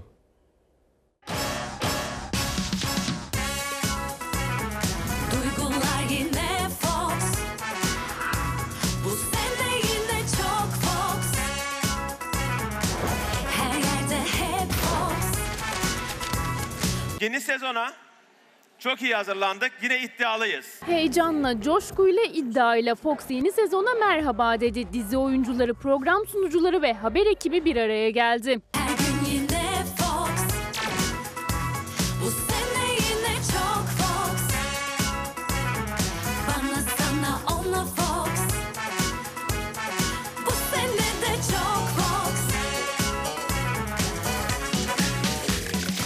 Fox yeni sezona hızlı ve yepyeni bir şekilde girdi. The Walt Disney Company Türkiye Genel Müdürü Cenk Soner o yenilikleri anlattı. Karşınıza çok daha büyük, çok daha güçlü bir organizasyonla çıkmanın heyecanı içindeyiz. Gülbin Tosun ile, İlker Karaköz ile, Burak Birsen ile, İsmail Küçükkaya ile, Fatih Portakal ile halkın sesi ve umutu oldular. Her sene merak edilen sonu, soru. Geldiler mi, gelecekler mi, geliyorlar mı? Tatil bitti başlıyoruz artık. Memleketten çok selam getirdik. Başlıyoruz. Fox Türkiye Yönetim Kurulu üyesi Engin Güner sürprizlerin devam edeceğini söyledi. Bundan sonra da biz özellikle habercilikte özgür, tarafsız, gerçek ve doğru haberciliğimize devam edeceğiz. Rating rekortmeni haber programlarımıza ek olarak birbirinden güzel dizilerimiz, eee, sağlık, kadın ve yarışma programlarımız var. Her yaşa bir fox Her ana herkese bir fox Arama bu beklediğinden çok Aç gözünü yok yok The Walt Disney Company Türkiye Medya Birimi Genel Müdür Yardımcısı ve Satış Grup Başkanı Mehmet İçasoğlu geçen yıl yaptığı konuşmayı hatırlattı. İyi ki Fox var dedi. Geçen sene Eylül'dü. Bu salonu dolduran herkes iyi ki Fox var dedi. İyi ki Fox var dememizi sağlayan başta Haber Genel Yayın Yönetmenimiz Doğan Şentürk olmak üzere tüm haber ekibimize bir alkış rica edebilir miyim? Fox Haber'le birlikte yeni diziler, yeni programlar izleyiciyi yine ekrana kitleyecek. Fox yeni sezonda da Türkiye'nin kanalı olmaya devam edecek. Bu sene de çok Fox Bu sabahta nasıl bir sabah oldu değil mi? Sürprizlerle dolu. Ben konuklarımı uğurlayacağım. Bir sade kahve içip huzurlarınıza geri geleceğim. Bugünü beraber kapatacağız. Önce son bir kitap tanıtımı. Bu kulaklar neler duydu diyor.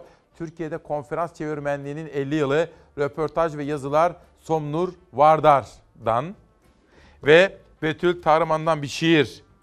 Her şey bir şeye sebeptir. Hazdır. Tenimde dolaşan hazdır. İnsan bazen yorulur, insan bazen durulur. En temel ilkemiz hakikate olan aşkımızdır ve engelleri aşma konusundaki umudumuzdur. Asla vazgeçmeyen ruhumuzdur en temel ilkemiz. 26 Eylül 2019 İsmail Küçükkaya ile Demokrasi Meydanı'ndaydık. Bugünü de kitap tanıtımıyla kapatmak isterim. Selen Can, Kaygıları Aşma Rehberi. Benim hikayem Büyük Hesaplaşma Semih Çetin'den imzalı gelen bir kitap ve haftanın şairi Betül Tarıman. Bir gün bir gün ölüm ilanında kendimi gördüm. Belki hayatı anladım, belki de anlamadım.